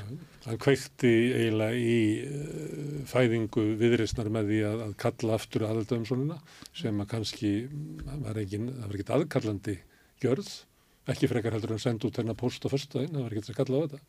Ekki neitt. Og svo er að spurningin, erum við ekki ennþá í viðræðum við tæknilega við Európa-sambandi? Já, hún er náttúrulega ekki fallið niður og dauð, sko. Mm. Já, ég minna að þú veist, hún er náttúrulega ekki nefnir virkni. En, mm. en hvað segir þú, Alli, ef, að, ef það er þannig að, að Bjarni sé að tala, reyna að gerða fyrir hérna, flóttan yfir í miðflokkin og setur þetta mál á dasgrá, að þá er ég eiginlega svona næstu í sama sinnis og Simundur Davíð og félagar að þeir græ, stór græða á þessu, þannig að þeir geta komið fram og sagt, ég meina ef að þetta er hérna mál sem að þið ætlaði að láta ráða atkveð ykkar, kjósi þá the real thing sem að við höfum haldið svo fram allan tíð en ekki þennan hérna þennan flautusýril hérna sem allt í einu ætlar að grípa þetta mál á rafti. Þannig að ég held að, að, að með þessu sé Bjarni að fýta miðflokkin en ekki að gera það fyrir flottanokað. Þetta er kenning. Já, ég veit það samt ekki alveg sko vegna þess að hérna, það hefur svolítið verið þannig þegar órólega deildin í sástæðafloknum hefur verið að garga að þá hérna hefur það verið svolítið þannig að það, maður hefur svona upplifað að miðflokkurinn geti mögulega greitt af því. Þetta er hins vegar annars eðlis, þarna er formaðurinn að, að tala og ég held að, að ef að þessum tveim formunum er stilt upp, jafnvel að fólki sem að vil hérna það sem ekkert um að kalla það stálnefi gegn hérna, innflindum og hælislendum þá held ég að margir myndu frekar halla sér upp að bjanna út frá svona hugmyndum um að hvort þeirra hefði meiri kraft til að gera þetta. Mm. en það er vissilega þannig að miðflokkurinn getur unnið sko orðræðuna en ég held að sjálfstæðarflokkurinn getur tekið af miðflokknum. En það er kannski eitt líka sem að hérna, skipti máli varandi hérna, þennan póstansbjarna og svo viðbröðans við gaggrinni og, og svo silfrið að, hérna, að það er kannski óþarfi að tala alltaf um bjarna eins og hann sé mjög úthugsaður og svona, mm. hann er líka bara maður sem er greinilega pyrraður, ég held að hann leiðist í utaríkisraundinu uh, og hann var ekkit bara að tala þarna gegn sko hælisendum, hann er líka að fara gegn sko normum þegar kemur á tjáningafrelsinu og frelsinu til að mótmæla vegna þess að það er ekkit rétt að það hafi ekkit verið tjaldbúðir þú veist á nýlegum tímum. Það voru deilur aftur millir Reykjavíkuborgar og Þingsins 2019 út af svona tjaldborgum sem voru hérna í svolítinn tíma. Það var líka 2011 og svo náttúrulega tjölduðu hérna bændur fyrir eitthvað 100 árum eða eitthvað, ég, þú veist, það er ekki nákvæmlega. Já, þú veist, og, og hérna og þessi, þú veist, og hann talar um eitthvað svona helgan stað og eitthvað svona rugg, sko, ég meina, þú veist, ef Östuvöllur er helgu staður sem ég ætla sko að einhverleita taka undir hérna, þá er þetta hjarta mótmæla í landinu og það myndi þá vera þið heilaga. Uh, þetta með að með ekki flaggað erlendu þjóðfánum, þú veist, þetta er bara ekki raunveruleikin á Íslandi, það er erlendu þjóðfánum flaggað hérna, það eru dönsk merki á þingkúsinu, þetta er bara rugg. Þannig að, sko, jú, hann er augljóslega að tala inn í miðflósfylgið, en ekki bara á þeim fósendum að hérna ætla að vera anstekilegu við útlendinga. Hann er líka að reyna að búa til eitthvað svona nýnorm sem fara gegn sko tjáningafræðsinu á Íslandi. Af því að það eru bara fá samfélög jafn friðsæl og mótmæli hérna fara bara fram með mjög friðsælum hætti, meiri segja þetta og það eru ekki rök í máli að finnast þetta einhvern veginn ekki góður bragur á þessu eða þetta fari taugarnar á hennum og svona sko, annarkvört eru stjórnmálamenn bara miklir eða þeir eru svona eins og Bjarni Ben núna. Mm. Vist, þetta, þetta er bara, hann er bara að tala um í Silvurinn hann hafi verið pyrraður við hvernig þessi tala við hann og eitthvað svona. Þannig að þetta, ég held þetta sé miklu starra en bara þú veist einhvern veginn að reyna að grípa einhver hérna uh, miðflokks hérna atkvæði. Þetta er líka verið að reyna einhvern veginn að búa til einhvern ný norm aftur, það sem að sko þú veist, mótmæli er allt í norðin sko eitthvað svona óíslensk nemaðu uppfylli einhvern ramma eða bla bla bla bla, þetta er bara ekki raunveruleikin hérna. Mm. Það verið fundið að mótmælum líka, það var styrtaði verið svona glimmeri og ég held að það sé bara til rannsóna hjá löggunni, ég held að það sé, ég ekki við um svona glimmir mótmann ennast þar í heiminu. Sko. Ég er ekki alveg sammála þessu, sko, ég held að það gleymist oft í umræðinu og það mm. glemst mjög lengi að það er til fólk eins og ég sem eru bara svona frjálslindir íhalsmenn mm. Og við erum líklegast svona 30% þjóðarunar að mista kosti það er að segja 9% í miðfloknum og 20% eða, já, þetta er svona 25-30% sem eru svona frálsnýttir íhalsmenn mm. og það er bara eins og að... Nýjustu konum eru 28%. Já, já, ég menna, ég er að tala um, já, já. segjum 28-30, þetta nú kannski svona... Já, ok, þá maður tegja þessi 30. Já, já, já, ég menna bara svona útráðsölu og það, já, síðan eru náttúrulega einhver prósent þarna líka sem, sem eru, sem eru ókveðin eða falla og við sjáum til dæmis að því ég fylgist nú vel með, ég var nú lengi í Þýskalandi og mm.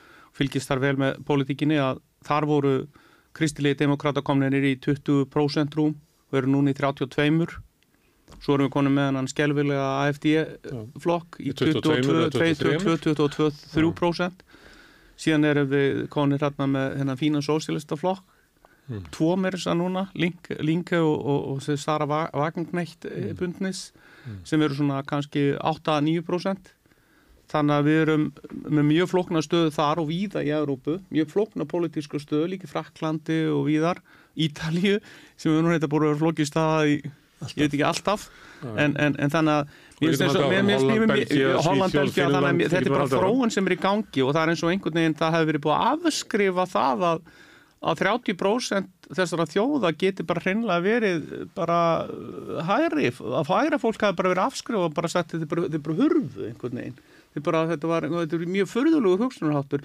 Ég hef aldrei talið það að, að vinstri menn bara þegar, þegar Davíð var sem sterkastur með réttum 40% að þá bara væri ekki til henni vinstri menn lengur í landinu og, og þegar það var yfir 50-55% 55 var í framsóknum framsóknumflokkurum að koma þó nokkuð til hægri og, og, og hægri menn voru með kannski 55 Þú þarf að vísa í lönd, lönd þar sem að útlendingaumræðin hefur verið bara ríkjandi í politíkinu, verið bara helsta máli um langa tíma. Já, en er það? Já, já, hefur, það er miklu meira en hér. Miklu meira en hér, já. já. þegar þú raða upp í 30% þá tekur þess alla sjálfstæðsmenn en inn í sjálfstæðarfloknum er fólk sem bara neitaði að taka þessa umræðu og ungi sjálfstæðsmenn voru að púa og var ekki bara gott ef ekki bara og Þórdís og Áslug og fleiri sem hafa raunverulega bara neita að taka þessum ég sammálaði erðaprinsessu flokksins þannig að það er ekki þannig að í nýsi 30% hérna, fólk sem er til sem er allt sammála, nei, nei, nei það heldur ekki á vinstrimagnu, það er heldur ekki inn á pírat eða neins, það er hverki það er alls þar ágreiningur innan allar stjórnmála það er ekki sko, nýtt. Þetta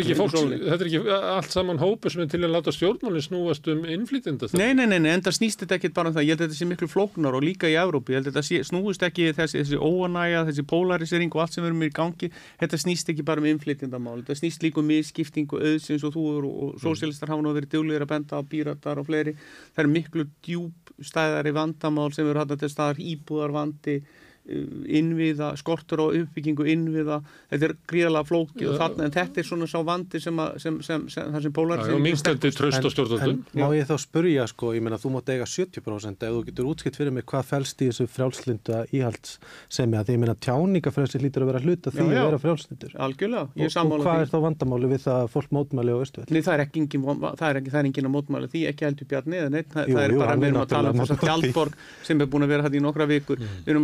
er að að er að Mm. að held að Hallur hafa nú svona verið aðeins að taka undir, þetta er kannski, þetta, er- þetta er bara Þetta aðeins er- og mikið af því góða, það er engin að tala um að, að, að palestinumenn með ekki koma þarna saman með einhverjum aðgerðasinnum og, einhverjum sósialistum niður á austuvelli það að- einhver hundra manns eða eitthvað svo Þú kannast við það að ofta er sagt sko, já nei, ég er ekki að finna ekki að þessu mótmælið þannig að bara núna sem er ekki, ekki rétti tími þessi staður er ekki alveg nógu góður hvernig mótmælir? Nei, ég er ekkert að finna það, neina þessu. Mér þetta finnst er alltaf að ég er alveg mótmæli sem mörgulegur það sem, það Katrín saði sko að það er alveg, ég meni ég tók sjálfur þátt í búsavaldabildingunni niður á Austuvelli Mm. og mótmælti þar á fullu á sínum tíma gegn eigin flokki og eigin ríkistjórn og ég mótmælti við Sæðlabankan Mm. og annað og ég taldi mig í góðum rétti þegar ég var alveg að missa mitt sem ég tókst að halda skilur og með hardfylgi og, og, og hérna. Mm. Skilur ekki, hvað ég er að fara sko, en- þetta, er ekkit að því að mótmáli ég hef sjálfur ekki þátt í mótmáli, ég held ég myndi aldrei taka þátt í mótmálum 2009 en svo var ég allt innu komin þarna nýr á Östuvöll og, og mótmælti mánuðum saman. Veist, ég, ég hef fulla saman með þessu, En það er það sem spurningi að- bara um, um, um, um, um hversu langt þetta gengur og hversu lengi þetta gengur. Það alltaf, hefur alltaf legin okkur daga En, en, það sem, ekki marga ég, það vikur sem eða að ég mánuði skil samt ekki er sko í hverju fælst þetta frjálsindi, ég meina það eru tjaldbúðir fyrir utan Vestminister og ég meina það er tjaldað, ég meina hún hérna Greta Thunberg mætti og skrópaði í skólan, veist, ég meina það er alls konar veist, það er hérna það hefur sko, hefur mikil jákvæð áhrif á lífsgæðum hans að vera ekki að rittstýra mótmælum annara sko, að maður bara, þú hugsa Já, það bara, er náttúrulega bara með gott. rítstýtt og sum, stömmuleiti skilji það mjög vel það hefur verið hefur verið mjög uh, tlumis, í Þýskalandi þar þeir hafa náttúrulega sinna hræðilegu sögu og var ágætt að mótmælunum þar að hluta til stýrtlimsvanandi hæru aukamenn, Pegida og fleiri þar sem, þar sem mótmælum var stýrt að því að, að, því að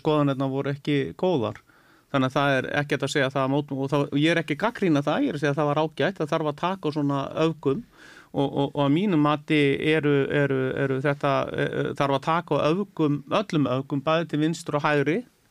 Um, já bara með því aðeins að, að, að- að stoppa einhver tíma. Eins og núna mætti Það að kannski stoppa mig, aftur, eitthvað? nei ég bara að tala um afturkalla leiði til eins að með tjaldið og bara veinar hefði bara staðið í fætunum og sagt já nú er þetta bara orðið gott. Nú Já, bara nú er komið, nú er bara komið, nú getið þið mótmast hérna á daginn en sko- þið takið tjaldið.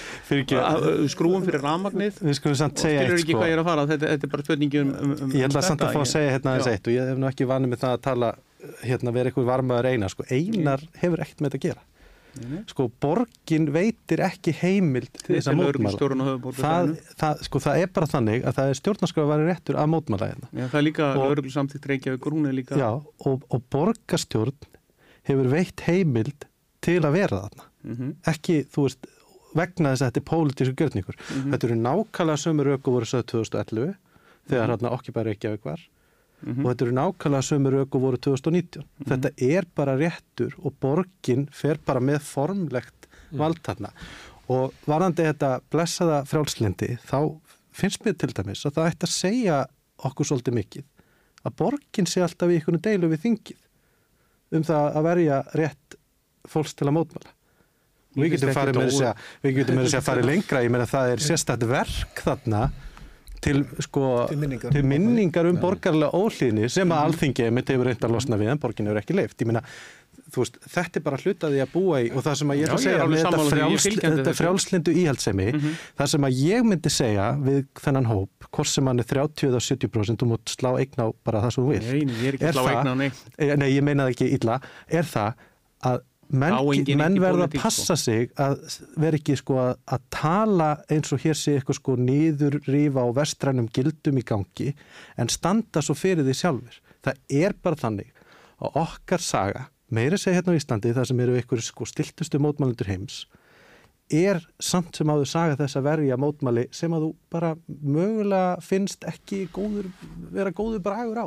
Ég er bara- ekkert að ráðast á það sko, það, er- ég held að mér fannst engin, mér finnst engin vera að ráðast á, á rétt fólks til þess að mótmæla. Það er náttúrulega samhengi Bara ummælum. hætti. bara með, já, með þessum Það hætti að saman ég er það að, er að tala um kannski sko. Það er líka samhengi Þannig er. Það náttúrulega mætti segja þá bara, akkur bara leifum við ekki bara allt, akkur erum við með lög, ég meina ég veit að við erum með stjórnleysingja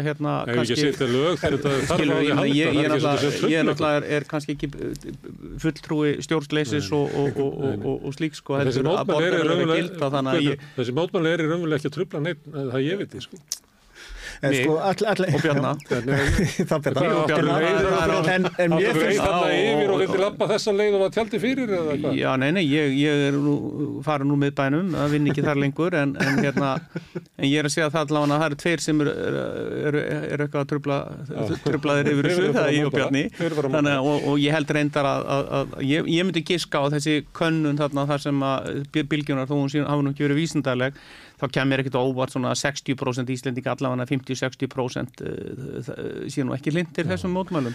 Eins og, og, sko, eru, en eins og sjálf. eru núna. Ég, eins og ég sagði bara hérna upp að með hérna tjálbúðun og tjöldin. Ég skil pyrringin yfir því Mhm. mm til. hins vegar algjörlega klárt að austurvöllur er réttur vettokur til þess að, að mótmæla og rétturinn til þess að mótmæla heilaður uh, málfrelsið er heilagt eins og Indri G. vinnu minn heitir sagði sko ég er varðhundur uh, málfrelsisins. Og það verður að standa.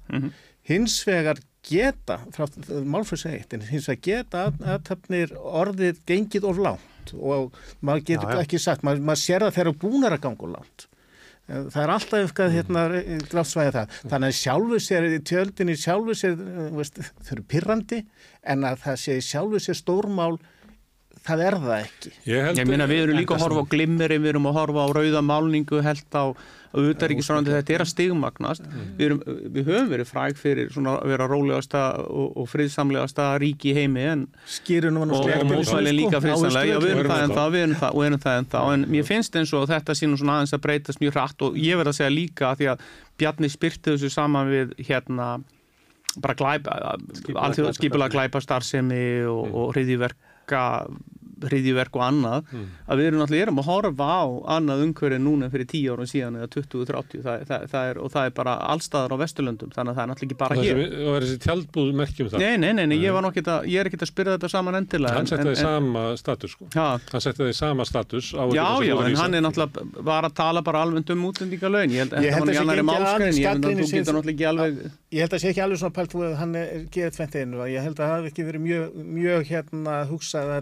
ekki alveg Ég held að að ég held að það hafi að fyrst A og svo B í þessari Nei, fæslu. akkurat, Ég held að þetta sé hafi rétt hjá verið pyr, Hallur. pyringur Já. og síðan vinnur hann ákveð úr því eins og kemur fram í kastlúsinu. Ok, en, En aðeins með hérna, með hérna rauðumálninguna, mér finnst þetta ósmekklegt og, og það alls saman, reyndar glimma kongurum finnst mér svolítið fyndið, en það má líka ekki glema því að það skýrir nú að sletta á einmitt á austuvelli fyrir all löngu síðan, þannig að þetta, það er, þetta er ekki og fyrsta okkur sinn í getur fundist veröldinni. ekkert að því þótt að við myndum kannski ekki gera það, það er bara þannig. Já.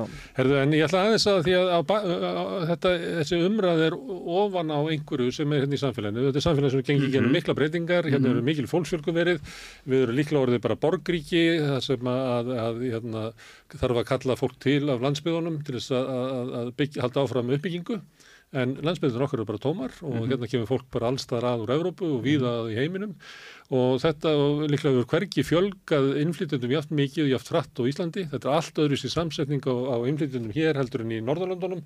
Það sem eru miklu starri hlutar sem eru hælisleitendur frá stríðsráðum löndum og langt aftur í, í marga áratu aftur í tíman. Þetta er í Svíþó var tekið á móti flotta fólki frá Suður Ameríku, þegar undan Chile herfröngastjórnunum og- já, og. Chile og, og það eru hérna miklu fleiri hérna úr átakasvæðunum af Súdan og Sómali heldur en er hér. Það eru sára lítið af fólki sem er komið hingað frá Sýrlandi eða raunvölum átakasvæðum. En, en við erum við samfélag sem að gangi ekki um mikla breytinga. Þið heyrið þetta í umræðunum íslenskuna og það er að verða æ meira að, að við erum hérna, að gangi gegnum mikla breytingar og það er eins og okkur takist illa að ræða það um þessa breytingar sem er. Æsingalust. Æsingalust. Málið er það, þetta Getur er að, að þetta sem við erum að ræða núna og hvernig Bjarni kemur fram og við erum að tala um svona fylgi og hitt og þetta sem við ættum eiginlega bara íta í burtu. Þetta er bara eh, eitthvað sport sem stjórnmálafólk er að gera. En með samfélagsbreytingar sem við Ættum við að hafa áhyggjur að þessu? Þú getur ekki rekið nútíma samfélag á Íslandi heilbriðistjónustu, byggt upp innviðina án erlends vinnuafls. Það er bara þannig. Það veit allir. Það veit allir. En samt það er allir, samt allir. Það er flokkur í Þýskalandi sem er með þá stefnarskossinni að reka alla útlendinga út úr Þýskalandi þó að það myndi, fela, rétt, en... það myndi fela í sér að Þýskaland myndi falla saman. Bara, samt ná, er fólk með þess að sko... Já, og það, það er talandum Íhalsemi, talandum íhalsemi ég veit ekki, fatt ekki alveg hútt ekki frjálslinda íhalsemi en ok. Þetta er samtíð en, en sko íhalsemin er þetta og, og síðan þetta er, er, þetta er bara mannlegt að ef þið finnst þú ert að missa vinnunum þína uh, það er kannski út af bara tæknibreitingum og þú nærði ekki að aðlæða því, þá er, ég veit það nákvæmlega en, en þá er það og síðan sér einhvern annan sem er ekki með sama bakgrunn og þú að, að það er ógniðin, það er, við erum búin að sjá þetta sko þúsund sinnum í, í, í hérna um allan heim.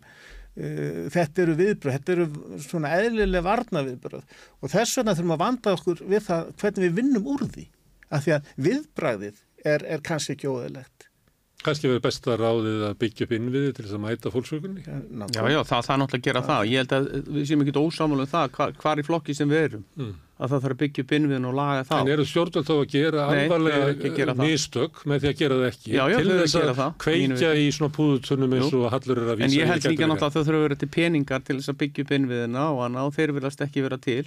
Já, það er nú ekki vandafátt. Það eru hérna ófjármagnaða skattalekkanir sem kostar 50 miljardar ári. Það eru til nóg peningar þegar býrðin. Þá er Ég veit ekki, ég, ég bara er að reyna ég er að reyna átt að með þessu. Orði til nógu peninga. Þá, þá, þá bara ættum við að byggja skóla og, og, og borgullum borgaralögun og gera allt þetta sem, ef þetta er Við erum í vandræðum með það. Ég kannski, ég held samt best að Nei, leið mér að klára. Allir er að vísi það að við innemdum minni skatta fyrirtæki og fjármagnum heldur en bara í næstu löndum. Ég held að við séum með þér bæði, náttúrulega óbein og beina skatta. Ég held að þetta sé bara skattaparadís Ísland. Ég samálaður með það sem þið eru að segja.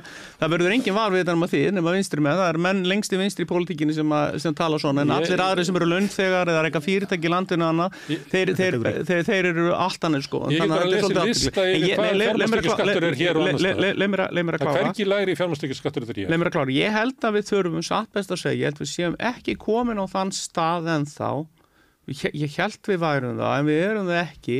Við þurfum að komast í alvarlegt þrótt og það er það sem við erum að sjá í Európu viða, bæða á Ítalíu, Fraklandi þjóðvirarnir eru komin núni svo mikið þrótt að bændur og yðnaðamenn og allir eru komin út á götu og svo eru ríkistjórnir að hvetja sitt fólk, sósjaldemokrata og græningi og aðra til að fara út á götu, það mætti 1 miljón út á götu, cirka 1%, 1,5% af, af hérna kjósundum í landur eru 62 miljónur á kjörskrá í Þýskaland að mætti 1 miljón út á götu og það er eins og þetta sé bara uh, undur og stórumerki.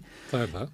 Já, eiginlega ekki sko í svona stóru landu fjölmjölu en, en hérna, en, en samt gott ágætt að það er að mótmála AFDM, ekki þetta því, við bara fagna því út af fyrir sig, en það sem ég hefur að segja, við skulum leifist að þróast bara áfram, við skulum taka áfram á næsta ári við 5.000, á þessu ári við 5.000 flóttamennum og svo aftur á næsta ári. Og þá skulum við fara í kostningar 2025. Ég, ég held að við séum bara ekki tilbúin, ég held að þetta þurfa að verða ennþá erfiðara ástand. Að verða ennþá meiri krísa í gangi hér, bæði í barnaskólanum og og, og, og, og sveitafélagin, ég held að Hafnarfjörði þurfa að fara endala á hausi, ég held að það sé ekki nóg að rosa eh, skrifi grein í mokkan og kvarti. Ég held að við þurfum bara endala að setja Reykjavík og Borg og Hafnarfjörði ég held að það sé máli þegar við erum komin upp á vegg fyrirgeðu þegar við erum komin upp á vegg eins og ríkin í Európu þá skulum við sko ef við hérna, þurfum að vera að deilum það hvað er fjármæstíkjaskattur hér og í næstu löndum þá erum við aldrei geta að tala saman. Þú ert að tala um að það sé að fjölga innflytjendum. Ég var að skrifa frétt fyrir samstöðuna núna. Það tók bara síðustu þrjá mánuðina sem er nýjustu tölun tölurnar mm -hmm. að það er 43% fækkun á milli ára, mm -hmm. eitthvað getur satt í áveinu út á Úkrænu, þannig að það færi það nei, færi frá Venezuela ef við tökum það í burtu, mm -hmm. Úkrænu og Venezuela að það var það nákvæmlega sama fækkun okay. þannig að þetta tal um að hér sé bara land, stjórnleisa landamerónum það er bara ránt er okay. þetta með að hérna séu hærri skattar en annars þar, það er bara ránt okay. þannig að ef við ætlum að tala saman þá verðum við að geta að tala saman út frá bara staðrind ok, gerum það En aðeins hérna með þessa umræðu um, um uh, útlendinga á Íslandi sem að náttúrulega margir bara orðnir Íslandingar. Já, já. Ég held að við höfum staðið okkur bara mörguleiti mjög vel í að taka á móti fólki sem hefur viljað flytja til Íslands Uh, ég veit að stæsti, langstæsti hlutin af þessu fólki stendur sér mjög vel, mm -hmm. duglegt fólk sem er virkilega byggja upp Íslands samfélag mm -hmm. og borga skattana sína hér, já, já, já. alveg eins og hver annar. Þetta sést á kannunum íslendingur um í ákvæðu. Og hins vegar, í, í, hins vegar er, er eitthvað, eins og alltaf, er eitthvað örlíti prósent sem er ekki Uh, hvað sé, sem er kannski ekki æskilegt en þú bara getur ekkert sortir það út fyrirfram mm. eða maður tala þegar Íslandika fóruð í Danmörku uh, og í Köpmannlöfn og settist þar upp á sósjálin Vitu, auðvitað okkur hluti fólk sem að er ekki uh, með þetta markmið að, að, að koma og vinna og framfæra sjálfur sig á heðanlega og góðan hátt en nánast allir sem er að flýtastinga er að gera það að leta sig að vinnu og þetta er fólk sem virkilega þurfum á að halda og á mörgu sviðum höfum, höfum við hérna stað okkur vel í því. Þetta gerist hins vegar mjög hratt, það eru vaksta verkir í því mm -hmm. og ég held við hefum að geta að leista svo fremi sem að menn lendi ekki, einhverju sko algjöru vittlesu í pólitíkinni í þessum sagt, við þurfum þess að vera að horfa á pínu lítið brota þessu fólki sem er hérna af erlendu bergjubrótið mm. og, og hérna það er alltaf vakstaverki og þetta er ekki það fyrsta skipti sem það er í Ísland. Við erum alltaf að fara í gegnum einhvers konar verkefni sem við þurfum að leysa og við gerum það. Kanski ekki alltaf á besta veg en við gerum það og ég hef fulla trú að við gerum það í, í þessu máli. Þá er bara allt í besta lægi heyrist mér það sko, er, í, í það er að mestu leiti ég, ég sé ekki annað hvað sér þú vandan? Að, ég sé bara vandan í innviðinni ég er að tala um bara barnarskólana ég er að tala um heilbyrðiskerfi og það er eins og, eins og þið segir réttilega þetta er svolítið undir fjármagnað en það er ekki, að mínum að þetta er ekki til peningar skiluru til þess að fjármagnað að ykkar sögn er til alveg nógur peningar til þess að, til þess að byggja bæði innviði og, og, og setja auki fjármagn í alla, alla, alla hluti þannig að þarna deilur okkur aðeins á. Það er erfitt að kingja því að, að allt eins og við núna. Og svo erum við núna að fara að kaupa Grindavík, það er nógu peningar í það, Spjarni sagði það í gerð, nógu peningar til að kaupa Grindavík. Finnst þér ekki undarlegt að ætlast þess að við trúum því núna árið 2023 þá eigum við ekki efni í Íslandingar á að byggja innviði sem við áttum efna á 1970 Jú, jú, mér finnst það líka 1950 jú, jú. Það, við, við bara getum ekki Nei, það er svolítið enginlegt að skulle hafa verið hvað er við búin að vera lengi hvað, hvað, tókst okkur, hvað tók langan tíma að komast upp út rullunni þarna í, í, í, með landsbítalan þarna upp úr klöppinni það hafa verið að þrýfa klöppinni í eitt, tvö ár. Það er stjórnarvandamál ég veit að ég, ég er sammálaðið einhvern smári ég bara sammálaðið þessu, ég sammálaðið líka að við getum ekki klára reykjanisbröðina og taka einhver, einhverja halvu ölda að tvöfalda hana. Við getum ekki byggt hús þetta er síðan rjúka upp hús hægri vinstri sko, aðalega hægri samt allir, maður sé það Já, já, já. Nei, bara aðeins hérna, eina ástæðinu við þessi fækkun er náttúrulega, það er, uh, það hefur allt verið gert til þess að koma í veg fyrir að byggja upp innviði og það alls saman með bara efnaðarstefnunni. Það er þensla, það þarf að grípa á hennu og það er sásuka fullt, þannig að störfum fyrir fólk sem var að koma hinga til þess að vinna, sem eru flest allir, þótt að sé í umræðinu mest rættum um hælisleitundur að e, það var bara ekki grundöldu fyrir, hann bara ekki störf fyrir hérna til þess að bæta við fleirum í þessa, e, þessa þætti sem að algjörlega eru háðir erlendu vinnöfli. Fólki sem er komið ykkar, það er ekki að fara, það er hér anþá. Þannig að, að þetta fylgir þessi efnaðsöflu. Og þar komum við bara öðru vandamáli fyrir okkur, hjá okkur hér upp á, á Íslandi. Við erum bara með ólínda gjaldmið, við erum með örmynd sem er ekki hægt að lifa við. Og ef við ætlum að ná einhverju stabiliteti í efnaðsmálum í Íslandi, þá verður við að taka færisku krónuna eins og við sagði. Eða norsku krónuna, þess að við smáru vildi. Nú er norska króna þannig að þeir eru sjálfur farnar að segja hérna hagkerfi og lítið. En, en við skulum ekki fara með umræðum um innflyttur Íslandi yfir í Efruna. Nei. Allir, ég, ég ætla bara að segja sko, þú veist að hérna, þetta er náttúrulega þannig að fólkið sem að á að sjá til þess að hluti séu gerði vel og á að geta reykið mála áfram mm. hefur verið að leika sig við það undir farin ár að benda á hóp sem að hefur ekki mjög sterkar öll og það er þannig að fyrir okkur flest þá svíður það bara. Það bara svíð, mig svíður það að formaða sjálfstæðarsflokksins noti ítrekka tækifæri til að kýla niður á við í staðin fyrir að reyna að standa fyrir eitthvað í stjórnmálum mm. og, og, fram, og koma ykkur í verk. Vanandi það að setja nóga peningum þá er til ansi mikið af peningum á Íslandi og ég hugsaði ef að fólk átti að segja á því hvað er mikið auða við til hérna á Íslandi að þá er því fólk talsvert reyðara yfir því hvað innviðinir eru slæmir. Við erum eins og að líka eiga við önnur vandamál sem er það að okkur skortir vinnuafl en okkur skortir líka innviðina til þess að geta tekist á við. Vegna þess að það hefur verið stundað hérna miklu lengur en bara fram að hruni að taka innviðalán frá yngra fólki og ófættum fólki.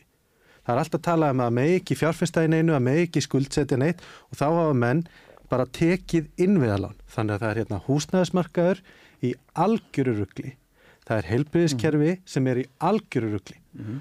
og þú ert með mentakerfi sem er undir fjármagnað og það er alltaf sagt hérna til dæmis að, að, hérna, að grunnskólakerfi sé miklu dýrar en annar staðar hjá okkur. Mm. Það hefur líka með sko bókalds að þetta er að gera vegna þess að sveitafjölu ólíkt ríkinu bókfæra leigu á húsnæði og aðfengum öðruvísi heldur en ríkið vegna þess að ríkið getur einfallega, þannig að það er nóg að peningum hérna ef við viljum sækja þá en okkur vandar ákveðina stóðir í rekstri þessa samfélags til að geta bæði nýtt þessa rísosa og komið okkur á góðan stað. Og meðan það er að gerast þá er sko í raun og veru mikilvægsti stjórnmálflokkur landsins með þá hérna, mesta valdið og svona, hann er ekki elsti en með langa sögu, þá er hann að segja við ætlum ekki að fara í kostningar og við ætlum ekki að ræða um það hvað okkar getuleysi undanfallna áratugi hefur valdið miklu skada hérna. Heldur ætlum við bara að tala um það að ykkurar örfár hræður og sérstaklega þeir sem er að tjalda á austuvelli þeir séu hérna hluti að því að sko tæta í sundur innviðina.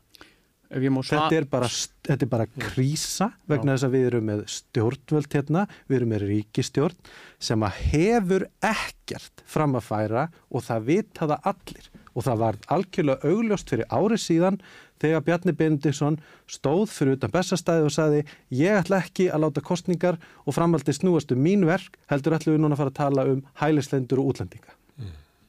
Ég er þeirra skoðunar að hérna einmitt að, að, að flótamenn og sérstaklega flótamenn hafi mjög öfluga málsvara hér á landi.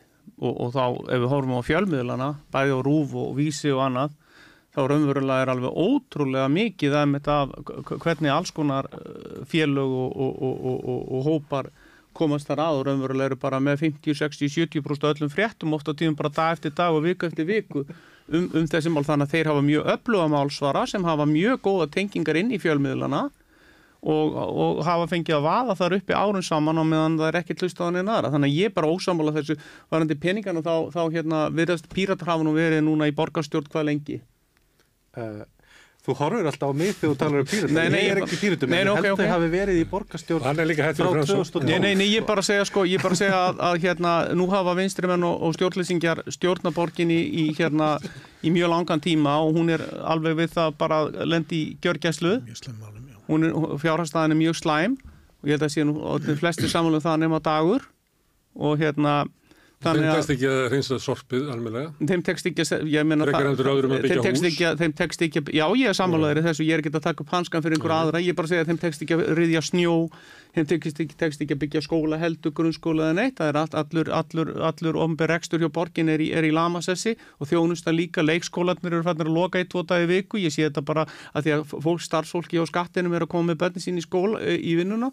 Sko, ég, ég veit ekki ef, ef, ef, ef þetta ákveita fólk, þessi vinstrimenn og stjórnlýsingjar eru svona rosalega mikil, mikið rekstra fólk sem það vil vera láta, akkur er þá rekstu ríkis, borgaran er ekki betur en hann er og akkur er þjónustan ekki betur og meiri heldur en hann er mm. þetta, þetta, er mín svör, ég, ég er ekki að taka ég er ekki að verja þessa ríkistjórn þessa, þessa hræðilegu ríkistjórn sem verður með í landunum því hún er vissulega hræðileg. Hún er aðalega, hún er, hún er ekki hræðilega því hún er að gera eitthvað. Hún er hræðilega því hún gerir ekki neitt Hún rekur ríkisjóð, þú ert að tala um svona hægur og vinstri og efnaðstjórn. Það er núna uh, byllandi verbulga, það er -hmm. byllandi uh, hagvastur á sitt ári. Já. Samt er ríkisjóður rekin með sko 80 miljardar halla. Já, já. Þetta er eins og að keira sko ferju með opið. Já, ég er svolítið sammálaður því. því það vita allir að þegar er verbulga í gangi þá allir sem allan á einhverju smávita hagfræði vita það. Það er ekki endilega slæmt fyrir ríkisjóður. Ríkisjóður bara þjenar á því því að það svo í tekjum og, já, og sjáum að ég vinn nú þarna hjá þessari blessuðu stofnum sem innhemtir þetta allt saman. Þá sjáum við að inntektin er alveg gríðarlega í, í sköttum núna og, og, og hérna, en, en það, er ég að er sammála halli. Þórdísi, ég er nú ekki alltaf sammála en oft að hérna, þetta er útgjaldavandi en ekki tekjuvandi. Þannig að það er, það er, það er, það er, þetta er eins og botlis hít og það sem verri er að, að, að, að, þetta er ekki að fara eins og í eitthvað uppbyggilegt eins og að byggja húsnaði fyrir fólk í landinu eða fátækt fólk eða, eða reyna að styðja við baki á þeim sem eru sem eiga raunverulega uh, sem við segjum sorta binda. Þann, þannig að maður, þetta er algjörlega óskiljanlegt raunverulega uh, fjármálastjórnin og ríkisjóðin hún er ennþá verið held á Reykjavíkuborg Það er hérna, allir sér þetta sér tekjuvandi og Guðbjörn sér þetta sér útgjaldavandi og ríkisjóð, ég veit ekki Mhm. sem við leita hann ríkisjóð, allir. Já, bara Þetta hver er búin að vera með fjármálaráðundu undan fyrir ár? Það eru sjálfstæðismenn á við Það er er maðurinn, svo sem maðurinn sem var upp af þessum umræðum. Já, en en vandamálið er náttúrulega það að, að, að við þekkjum náttúrulega vitum alveg hvernig, hvernig fjárlög verða til og við vitum náttúrulega það ræðu fjár, þó fjármálar og það kannski mest um það að segja þá náttúrulega er maður í ríkistjórn með einhverjum og framsóknarflokkurinn hefur nú verið duglegastar á öllum að eða peningum í þessari ríkistjórn og við fengið hvað mest, mest og, og dellu útgjöldin eru náttúrulega alveg Þetta getur ekki verið allt öðrum að kenna. hægri vinstri. Nei, nei, nei, nei, ég er alls ekki, ég er búin að aldeilis búin að ég er nú aldeilis búin að bombardýra, ég er nú aldeilis búin að skjóta á eigin flokk í, í þessum, þessum umræðan, þannig að þú, þú getur nú ekki sagt að ég hef verið eitthvað að reyna að, að Pillar, við komumst ekki lengra að Nei, segja. það er ekkert mál. Við ætlum að halda áfram hérna að sitja við rauðaborðið og reyna að skilja samfélagið sem við lögum í. Þetta eru Mhm. spennandi umræður og ég ætlum að vera með meira af þessu bara á næstu dögum Mhm. af því að, að það er, ég held að það er bara staðrind að það er búið að setja innflytt þetta mál inn í miðju íslenska stjórnmála og við verðum náttúrulega bara að taka því og reyna að skilja það, akkur svo er og hver er staðan á því. Alli, Guðbjörn og Hallur, kæra þakkir. Takk. Og við skiptum það bara yfir í næsta kapla hér við rauðaborðið. Hvernig getur við réttlætt að um 63% eblingarkvenna eigi erfitt með að ná endum saman? Ebling stjættarfélag. Baróta fyrir betra lífi. Samstöðin er í eigu hlustenda, áhorfenda og lesenda.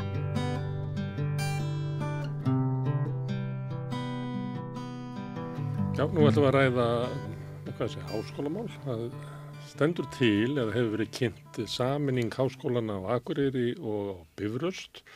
Og eins og oft er að þá eru svona mismjöndi sjónamið um, um, um gaggsemi og hvernig að þessu staðið. Til þess að ræða þetta mikilvæga mál er, eru hinga komnir tveir háskólafólk, háskólafólk, Ólína Kjærúl Þorvarudóttir, hún er deildastjóri félagsvísnöldadeildar á Bifröst Ekki deildarstjóri.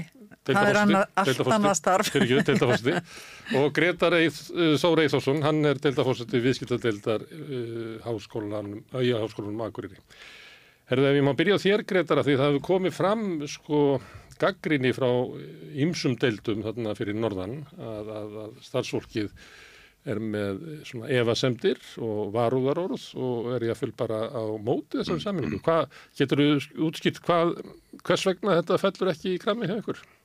Mm, Já, já, sko, um, þetta eru fyrst og fremst þrjár deildir sem að segja má að verði mest fyrir svona sem að eh, möguleg saminning uh, varðar mest. Það eru viðskiptadeildin, félagsvísindadeildin og lagadeildin. Aðra deildir lítið, lítið sem ekkert. Þannig að þetta er svona, þessi umræða hefur kannski langmest farið fram hjá, fram í þeim deildum. Um, það má segja sko nú hófst þetta ferli í ágúst í fyrra og um, það sem sagt má segja að það með útkomu físileika skýslu þarna rétt fyrir jól Já. og um, það má segja, segja einlega að um, það, það sem að sko hefur verið að koma frá þessum deildum sé raunverulega viðbröð við henni og ekki síst kannski viðbröð við því að, að fólk hefur einlega hreinlega ekkert vitað hvað var í aðsigi, hvað var í gangi, hvað var verið að ræða um fyrir en það fyrir að lesa þessa skýslu sem hann sko fyrir mörgum vakti upp fleiri spurningar heldur en svör. Og það má kannski segja að það sem hefur verið að gerast og komið kannski í ljó, ljós undanfarið séu svona ákveðin viðbröð fólks við því. Það, svo má hins vegar segja á móti sko að, að, að viðbröðin hafa líka orðið til þess að sumum spurningamerkjum spurningum sem að hengu í loftinu hefur verið svarað. Þannig að í raun, raun og veru þá hefur allt þetta gott sem að menn kalla þetta óróa eða ekki, þá hefur þetta orðið til þess að, að sko uh, það eru, fólk er miklu upplýstara um það hvað hvað kann að vera í aðsíði núna, núna í framhaldinu en, en fólk hefur eins og verið verið svolítið gaggrínt á, á það að það einlega bara vissi meir og minna ekki neitt Mm. Einu upplýsingarna sem maður hafði og fólk hér í skólan hafði það varu viðtöl við rektor háskólans og bifröst í, í fjölmiðl. Mm. Það sem að svona þau hennar eh, sjónami komið fram og það heyrðist ekki hóst eða stöna hérna að norðan. Þannig að gaggrinnin er kannski ekki á saminninguna heldur bara að skorta á upplýsingum og kynningu. Þetta er eiginlega svona pér og starfsmanna haldsmál frekar heldur en gaggrinni á það að það verður saminist á tvo háskóla? Þetta er, þetta er ekkit alfarið gaggrinni á, á saminningu háskólana menn, menn gera sér alveg ljósa ímsa ímist tækifæri og ímsa kosti sem það þarf kunna, kunna vera. Eins og það er kannski móð segja að já, þetta er, þetta er spurning um að fá upplýsingar og kannski um að, að það verði vanda mjög til verka í þessu ferli í, í framhaldinu og, og að hérna hagsmunir okkar veið auðvitað hafðir að leiðaljósi sem að kannski eðlilegt er. En var ekki í áleftunni hjá ykkur í viðskiptadil talað um að, að hætti að vera svo að meiri hluti akademíska starfsmanna deildarinnar ykkar eftir saminningu yrði í Reykjavík og og að, að svona hægt og bítandi væri verið að flytja þetta starfa á landsbyðinni suður? Já sko það er einlega bara það sem að menn hafa, fólk hefur séð í því er, er auðvitað staðrindin eins og að, að hérna, akademiski starfsmenn byggrastar eru staðsettir í Reykjavík og með vinnustöðvar þar eða, eða þá heima hjá sér og um, það kynni þá að vera að svona, í einhverju framhaldi ef er það sem samruna þá hérna, myndi eins og var, minni mig að hafi verið orða það myndi svona, koma að segja þetta myndi seittla hægt og bítandi til Reykjavíkur. Mm. Þetta er náttúrulega þetta voru náttúrulega bara svona maður að segja, menn, menn hérna voru smekir um að þetta gæti orðið hérna afleggingin, svo er náttúrulega verður verð bara komið ljós hvernig þetta þró, þróast en, en það er ekki, í mínum huga ekki óæðilegt að að starfsfólk bendi á þessa hluti. Ólína, þú sér þetta kosti? Já, ég sé mikla kosti og tækifæri í, í þessari sammenningu ef að henni verður. En ég tek undir það með Gretari að auðvitað skiptir öllu máli hvernig að þessu verður staðið. Menn verða að vanda sig og uh, það sem að er verið að tala um núna sem neikvæðinni hjá norðanmönnum mm -hmm. ég sé þetta meira eins og áhyggjur og ég held að þetta sé nefnilega alveg hárétt metið að kannski er starfsfólk háskólan og akkur er statt annar staðar varðandi upplýsingagjöfina heldurum við starfsfólkið við háskólan og bifröst uh, þar hefur verið haldið þannig utanum þetta mál að alveg frá því að e, hugmyndin kom upp má segja þá að byrja að ræða þetta í starfsmannahópnum mm. og stjórnendur hafa verið mjög meðvitaður um það að stíga engin skref án þess að e, ræða við bara allt e, skólasamfélagið mm. á bifröst. Þannig við erum búin að fá all nokkra starfsmannafundi þar sem þessar samræður og þessar spurningar og þessar áhyggjur hafa komið fram og fengið svör og umræðan hefur náð að þróast. Þannig og ég tek undir það að það eru auðvitað mjög mikilvægt að fólk fái svör við spurningum og áhyggjur eru auðvitað eðlilegar.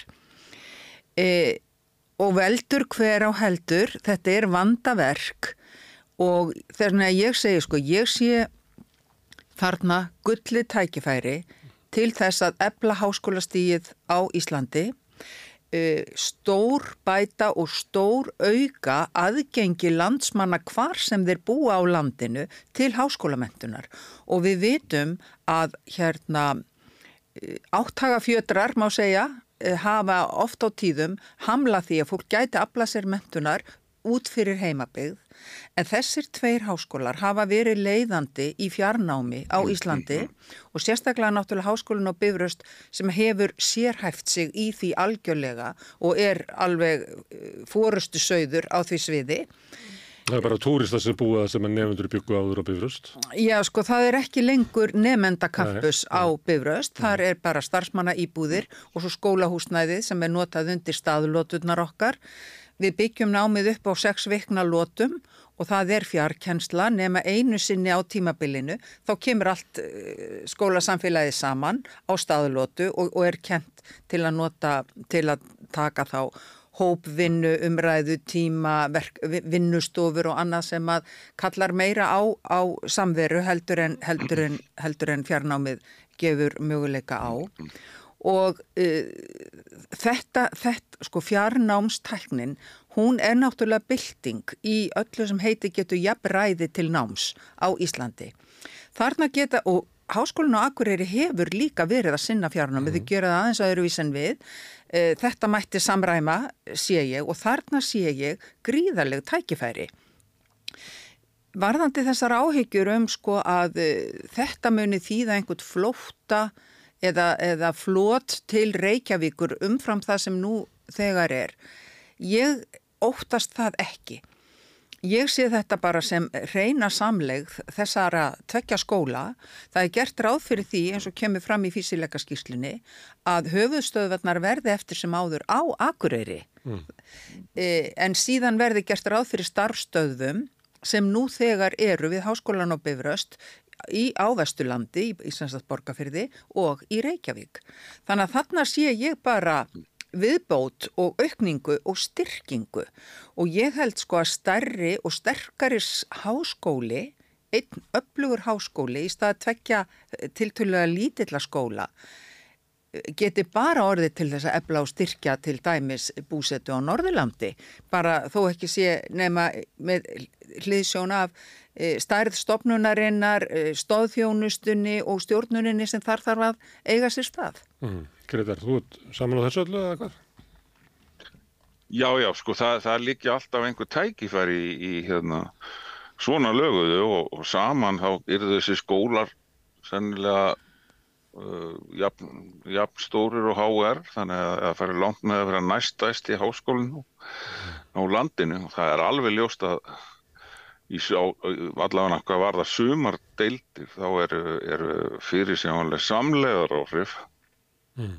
og, og ákveðin hagraðing myndi, myndi ég segja en mm. svo, svo er það líka kannski, það er kannski minna í öðrum deildum en það geti þó auki breyttina mm. á námsframbóðina myndi, myndi gera það í öllum tilfellum og, og það, það er auðvitað bara styrkur líka sko mm. og hérna Gretar, er ekki sko möguleikin á, á vexti fyrst og fremst í sko fjarkjærslu og ég veit það bara á ferðum mínum til Akureyrar og samtölum við bæjarbúa þar að þá eh, er, er fólk hérna mikið varfið jákvæð áhrif af háskólunum á samfélagi þar það er bara breytt eh, Akureyri í hugumarkra, ég segi ekki að það náðu kannski yfir alla stjættir en það, þetta er svona viðþór sem maður heyri mikið frá Akureyringum en ef að aukningin er fyrst og fremst uppbygging fjarkjenslu að þá mun það ekki hafa þá er ekki endilega gefið að, hvað ég segja, háskóla samfélagi og akureyri vaksi við það?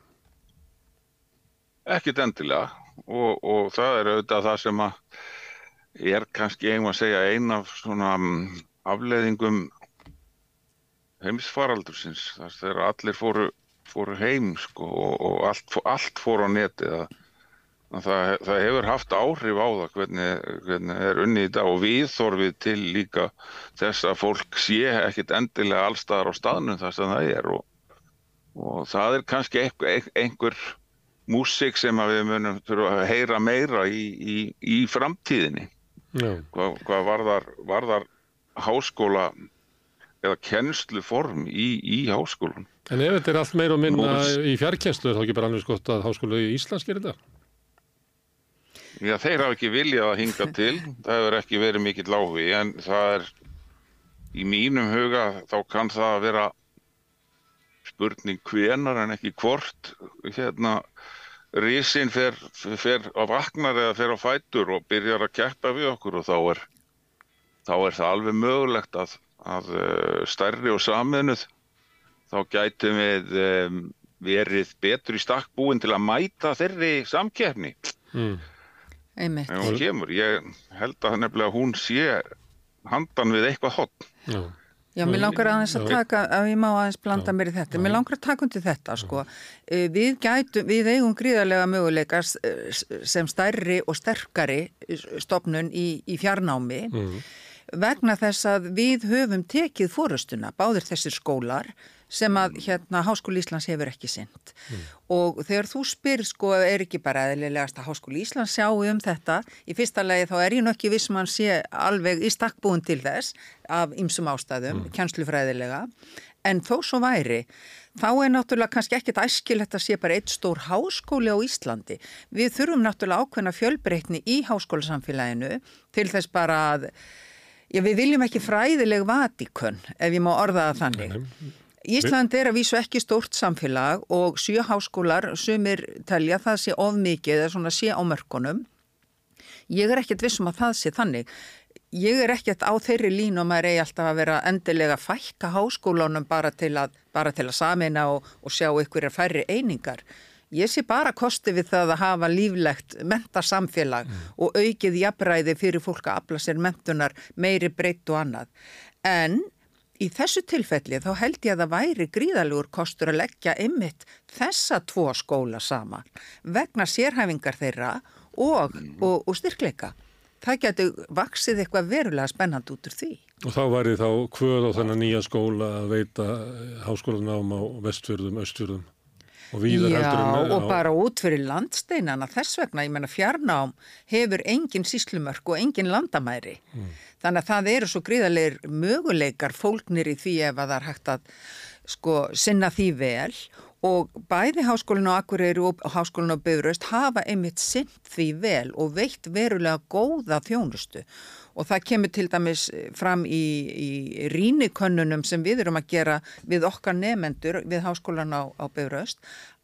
Þó undarlegt megi virðast, þá svara þeir því til að þeir finnist þeir fá persónulega þjónustu við háskólan og bifröst, þó að þetta sé meira að meina allt í fjarnámi. Og það er vegna þess að við höfum náð góðum tökum á því að þjónusta okkar nefendur í fjarnáminu. Kennarar hafa samband við nefendurna, þeir eru í millileðalausum samskiptum við þá. Og svo höfum við náttúrulega staðlóturnar. Það er alltaf gott að blanda saman fjarskiptum og samskiptum í, í raun, raunheimum. En nú, COVID hafði mikil áhrif á, á mentun út um allan heim og bara líf okkar allra. Og við þekkjum þetta öll og ég sitt hérna við þetta rauða borð og, og mér finnst betra að tala við fólk sem er hérna borðið við hliðin á mér. Ég hérna, veit að þegar ég tala við fólk í Zoom að þá eru viðtunum stittri, það er svona þólir minna, það er betra að tala um eitthvað bara tildekki ákveðið á meðan að ykkur situr hérna við borðið þá getur maður svona farið og kannað ykkur svona kannski svona eh, lendur sem er ekki alveg svona ljóst sko um hvað við erum að tala. Það er erfið að gera það í Zoom og ég veit að þið þekkið þetta örgulega líka bara af ykkur eigin lífi að það er svona til þess með fundi og annað slíkt. Það var best að halda fundi í holdinu en ef það búið að ákveða þetta svona meginur líð þá er alltaf alltaf að reka framkvöndina gennum Zoom og eitthvað slúðis er, er, er það ekki þannig að við flytjum sko námið yfir á, á hérna á, á fjarfundi eða eða fjarnám að við missum eitthvað. Má ég byrja á þér, Gretar? Mm, Jú, sko, það má alltaf hérna færa fyrir því góð rauk að, að, að það sé betra að hafa fólk í, í að allir sem eru að þeir sem er að kenna og þeir sem er að taka á móti fyrirlesturinn séu í sama herberginu, í sömu stofunni eða salnum. Hins vegar að þá, og, þá er stað, staðrindin er bara svo að fólk fólk sækist eftir fjarnámi. Það er ekki verið að, það er ekki verið að þröngu þessu upp á fólk. Vi, vi, við finnum það bara að, aðsókninni hjá okkur að, fólk sækist eftir því að geta bætt við sig eða menta sig með þessum hætti.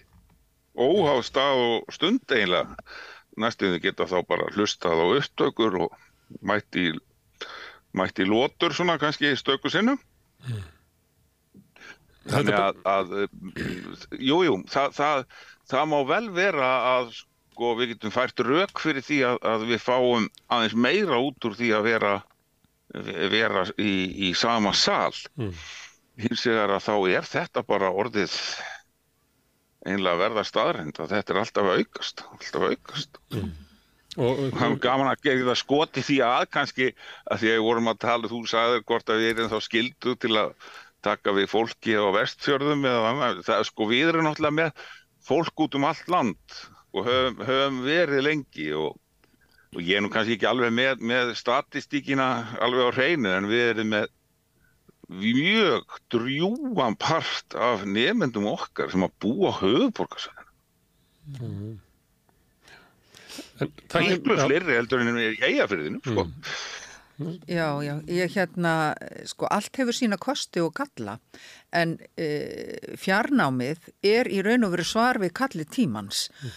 Slagvarðið okkar á Bifröst, á, við háskólan á Bifröst hefur verið lærðu heima. Mm. E, það er að segja, sko, vinnandi fólk sem er að koma er að leita sér viðbótar mentunar til dæmis eftir að hafa verið á vinnumarkaði ykkur tíma eða vil skipta jafnvel um námskrein og koma inn aftur inn í skólakerfið. Því hendar mjög vel þessi fjarnámsleið mm. og það kemur upp úr kafinu sko að yfir 60% okkar nefnda eru fyrir utan Reykjavík, eru búa út á landi. Um, þetta hefur að gera með sko frelsi líka, bara frelsi til aðtapna.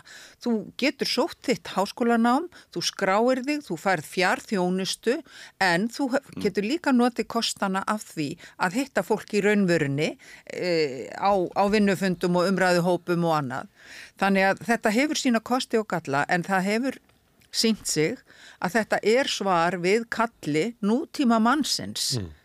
og mm háskóli sem að sinnir fjárþjónustu eins og við gerum, hann er auðvitað bara að, hann er í raun og veru bara að fylgja nútímanum og veita þá þjónustu sem að nútíma samfélag kallar á. Möguleikar til náms, það á ekki að vera elítu hugsun í því. Það eiga eiginlega sko, svar við flestum meinsemdum samfélagsins mm. er góð mentun og aðgengi að mentun og ég vil meina að þessir tveir háskólar hafi einmitt verið í farabróti hvað það varðar. Mm, það hefur ekki alveg verið þannig vegna að, að sko tæknin op, gætu opnað háskóla. Og við gætu sagt sem að, að, tjenslan í Harvard í staði fyrir að vera bara hundrað í salnum að það getur verið þúsund og tíu þúsund. En þessar stopnarnir hafa gósið að gera það ekki vegna að það sem þau eru raunverulega að selja er ekki mentun heldur aðgengi að tiltekinni mentun þannig að það er þau, þau, þau selja fágæti mentunar. Já, já, það, ég menna að það er allur gangur á því hvernig mm. háskólar út í heimi eh, fara, bregðast við þessu, já, já. en svo eru háskólar sem eru líka bara verulega framalega í, í fjarnámi mm. og með verulega opið, hérna, opið aðgengi. Mm. Og ég myndi nú frekar vilja, ef ég mætti velja, vera þeim megin, mm. vera svo sem opnar hliðin heldur en uh, hliðverðurinn sem er í því að læsa. Og rukka. Já. Og rukka hátt. Já. Herðu, mér í stiði bara, bara nokkuð ána með þetta, Gretar. Ég hérna, held ég að vera að fá svona eh, debatt um, um eh, kosti og galla þessar saminningar en, en ég leiti talið bara út í, kosti og galla fjarkjenslu. Já, sko, við skulum alveg halda því til haga. Við hefum, hérna, uh,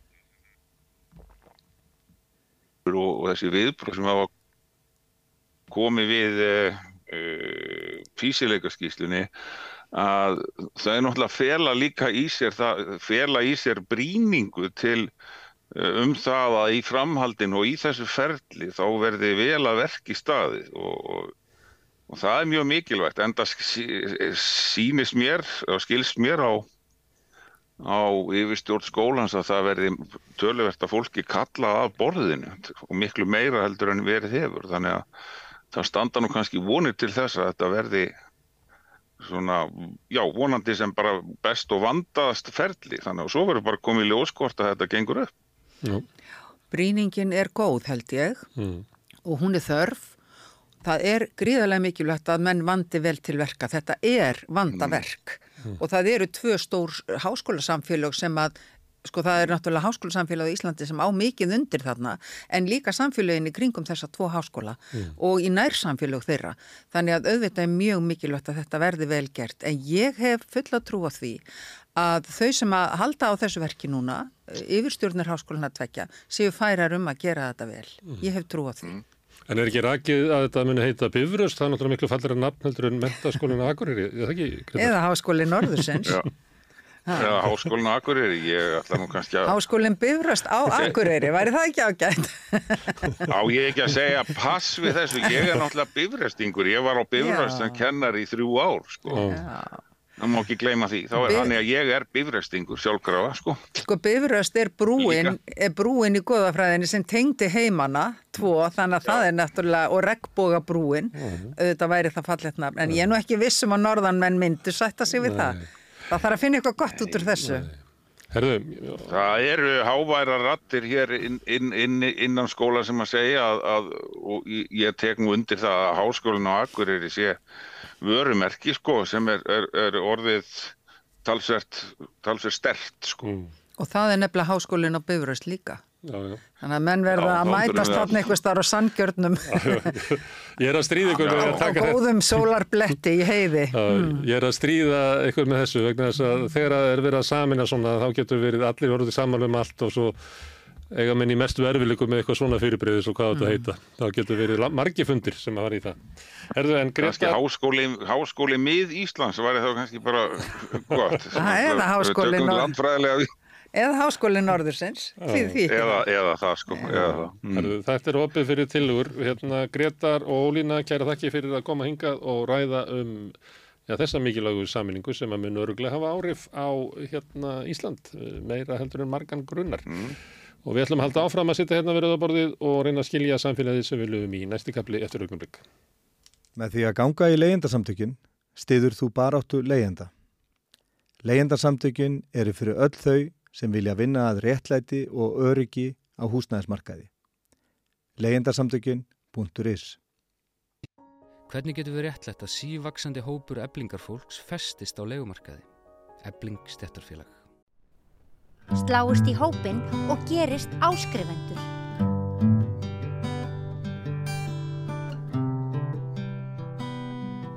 Herðu, nú skulum við aðeins uh, breyða okkur í bíó.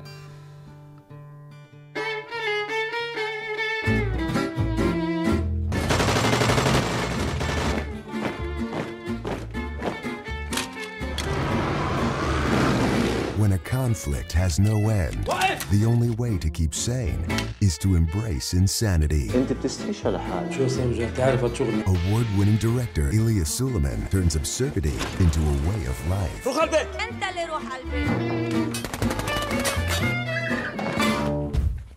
شو هالعيش اللي عايشه العيش كلتها واحد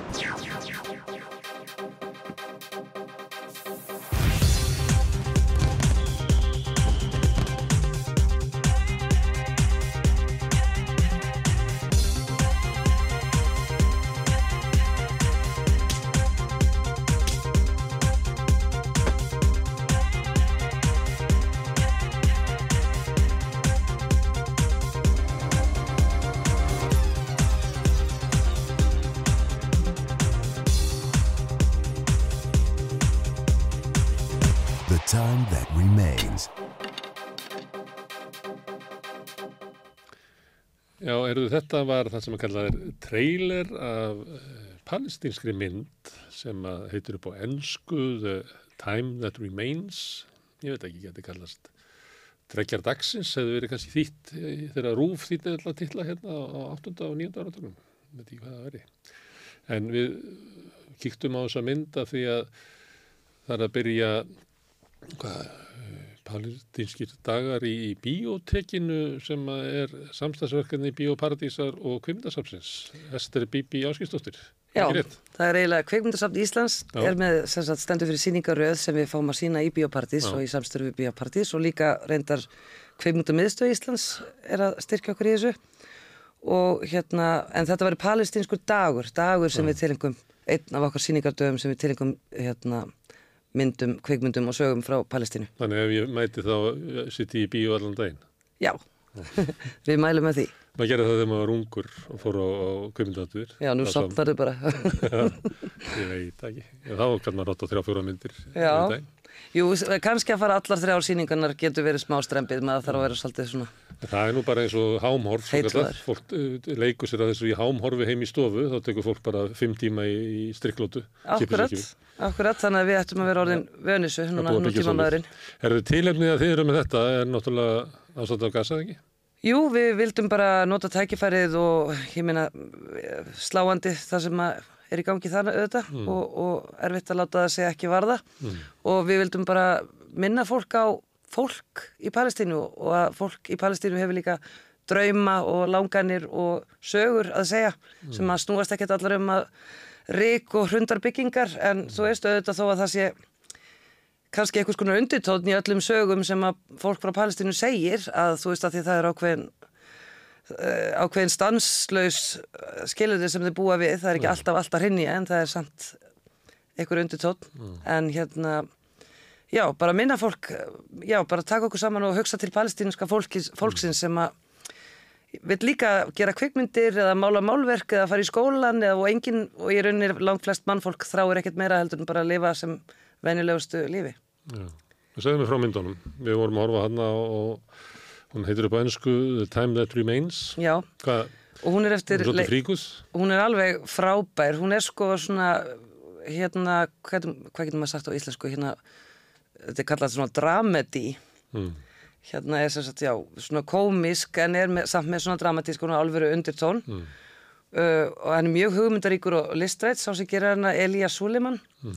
og hérna hann, ég uppgötta hann í rauninni bara hvað í fyrra þegar hann var, fekk heiðusvelunin fyrir æfistarfið á hérna Evrópuvelunaháttíðinni þegar hann var haldin á Íslandi Mm. og þá kom svona stutt innslagur myndunum hans og, og, og smá viðtal við hann og, og hann er bara já, mjög heitlandi manneskja með, með, svona, með svona fallega fallega sína hlutina og þetta er svona veist, það er erfitt að hlusta alltaf á svona dundrandi gaggríni sem er rosalega hörð og þung veist, og það er ekkert allir sem að velja velta sér upp úr því alla daga og kannski ef maður vill gaggríni eitthvað þá er það einmitt að fá fólk með sér í lið og horfa eitthvað fallegt en þú veist, hitt settlar í gegn því það er hluta lífinu. Já. Það fikk velun í fyrra kannski, hefur ekki fengið velun eftir hérna oktober. Það voru nú einhverjir hérna, sem átt að fá velun fyrir bókmentir í Þýskalandi en, en fenguð ekki palestínumenn. Já. Af því að nú allt og hefur allt aðra merkingu.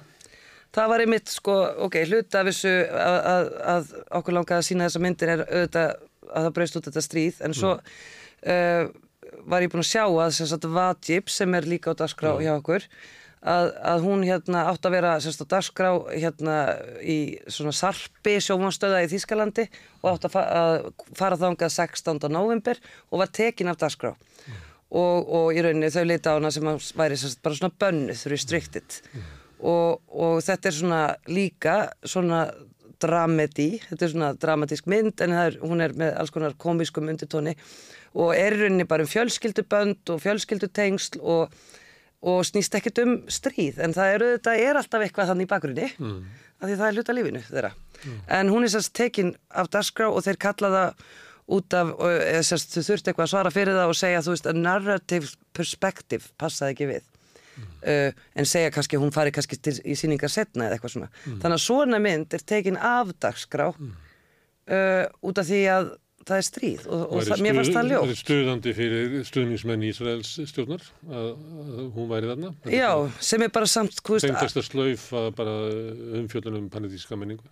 Já, og maður hugsaður hvers vegna er þessi mynd tekin af, þetta er ekkert, hún er ekkert um Hamas, hún er ekkert um stríð, hún er, hún er um fólk og fjölskyldutengsl og, og lífið. Mm. Akkur má ekki segja þessa sög.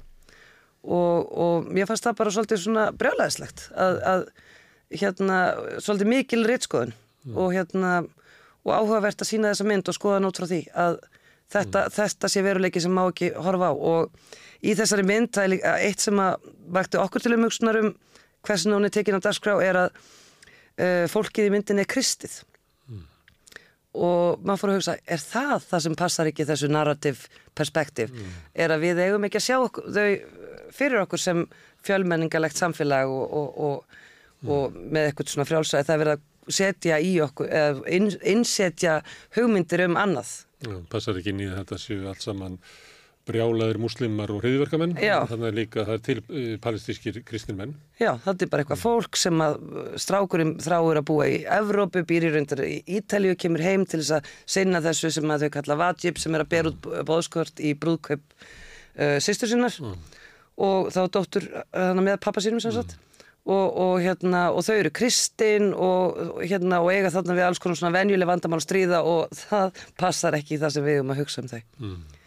Herðu, við skulum kannski bara sljóta inn hérna trailer af Vajib núna. Ok, frábært.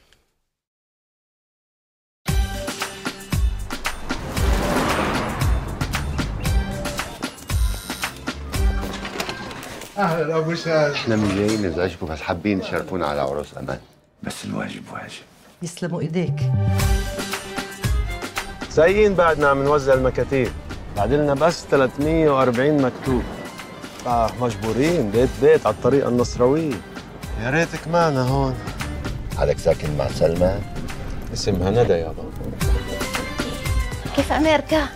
إيه إيطاليا. يلا بهمش أبوك حكى لنا إنه عم بتفكر ترجع مزبوط. لهون أها. لا. في مستشفيات كتير منيحة هون. آه أنا أركيتكت. يعني مهندس عمار. يعني هو بفكرني دكتور. يعني كذبت عليه. أنت بتعرف أبو رامي. بضلوا يحكي عنك كثير رافع راسه فيك.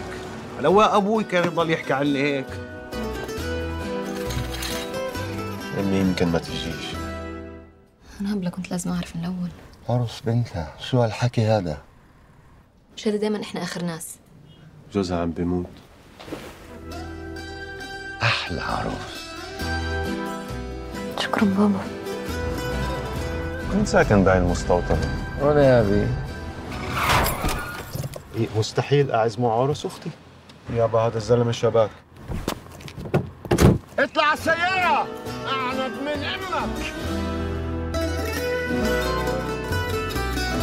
مش السهرة ب 18 لا عم تمزحوا وين عن الدنيا Já, þetta var hérna uh, Vajib, uh, brotur henni. Uh, með, leikarin, eldri leikarin hann í bílnum, þeir eru að keira hann um og, og dreifu út bóðskostunum. Mhm. Þetta er stórstjarna í Palestínu? Já, mér skilst á, á, á hérna, mínu vinum, annar þeirra er frá Líbanon og er svona sérfræðingur í, í arabískum kvikmyndum og hann segir að, að þetta sé algjört stórstyrni í Palestínu og víðar. Mm. Uh, og, hérna, og sonur hann, Saleh Bakri, Mm. uh, sem leikur þarna á mótunum, hann er líka greiðlega frægur og vinsæll í, í Palestínu og víðar. Já. Og hann var til dæmis búin að lofa okkur að vera með okkur í svona svo kallað Q&A spurt og svarað leikarinn og, og þá ætlum við bara að tala við hann í gegnum Zoom og við höfum eftir að sjá hvort að það gangi upp vegna þess að hann var akkurat verið að setja fyrsta s- tökudag í nýri kvikmynd sem hann er að leiki Já. uh, á þennan dag en hann ætla samt að reyna að vera með okkur En þeir, uh, Muhammad Bakri og Salih Bakri, Mhm. að þeir eru feðgar Já. í raun- raunveruleikunum. þeir eru feðgar í raunveruleikunum og feðgar í myndinni Já. og við ætluðum líka sína mynd sem er rosalega rosalega bennuð Mm. um, í hérna Gafin er rosalega, rosalega bannið. hérna, hún heitir Jenin Jenin og er eftir Mohamed Bak Bakri sem að er pappin hann í vindinni og hún er bara um, hún er bara heimildamind um árásunar í Jenin, ég held að það verið 2006 Mm. það sem var myrt bara fullt af uh, almennum borgurum og, og bara fólk í flóttamannabúðum. Og hérna, en Ísrael, fyrst var hún bara sett í síningar í Ísrael og, og hérna og, og víðar en, en hérna fljótlega var það allt brjálað og þeir vildu bannana af því að hún sýnir þarna hún er rauninni le- hleypir alls konar sjónamiðum að Mm. palestinum menn fá líka tjásu um hvað gerðist. Og hérna en, en í rauninni líka Ísraelsmenn þannig að þú veist, þetta er ekki, hún er ekki að bæjast og þeir að hætta fram. En hún var sérst bönnuð Ísrael eftir hérna mikið hafari og síðan leifð aftur Mm. En þá eru þið eitthvað svona enga málaferli sem endaði í einhverju hrikalegri fjársekt á hann Mm. sem endaði með því að það borgaði hana einhver hérna, fræg poppari, frægur poppari frá Európu sem ég má ekki nefna. En hann borgaði sektina sem þýðir að myndin er svona færa verið sýningum en Mohamed má ekki sína hana. Hann má ekki agitera fyrir því að sína hana. Hann tapaði þeim setni þriðjum mála, málaferðlanum En oft er að vera að sína eh, svona ja, myndir frá Palestínu eða myndir um átöki þar að þá verður oft mikil svona kurr og erfiðleika. Þetta er bara, það er bara vesinn að, að uh, fjallumynda á Vesturlöndum. Það, það voru bara tilhörnum til þess að banna mótmæli í Þískalandi og ég hef nú nefnt hérna uh, óperu eftir John Adams Death of Klinghoffer sem að fjallar um þessi átök, Mhm. stórkostlegt listaverk. Mhm. Hún eiginlega fæst ekki sett upp af því að í hverskipti sem á að gera það þá bara mæta, mætir gýðingarsamfélagið og mótmælir og, og það þóru enginn að setja þetta upp. Mhm.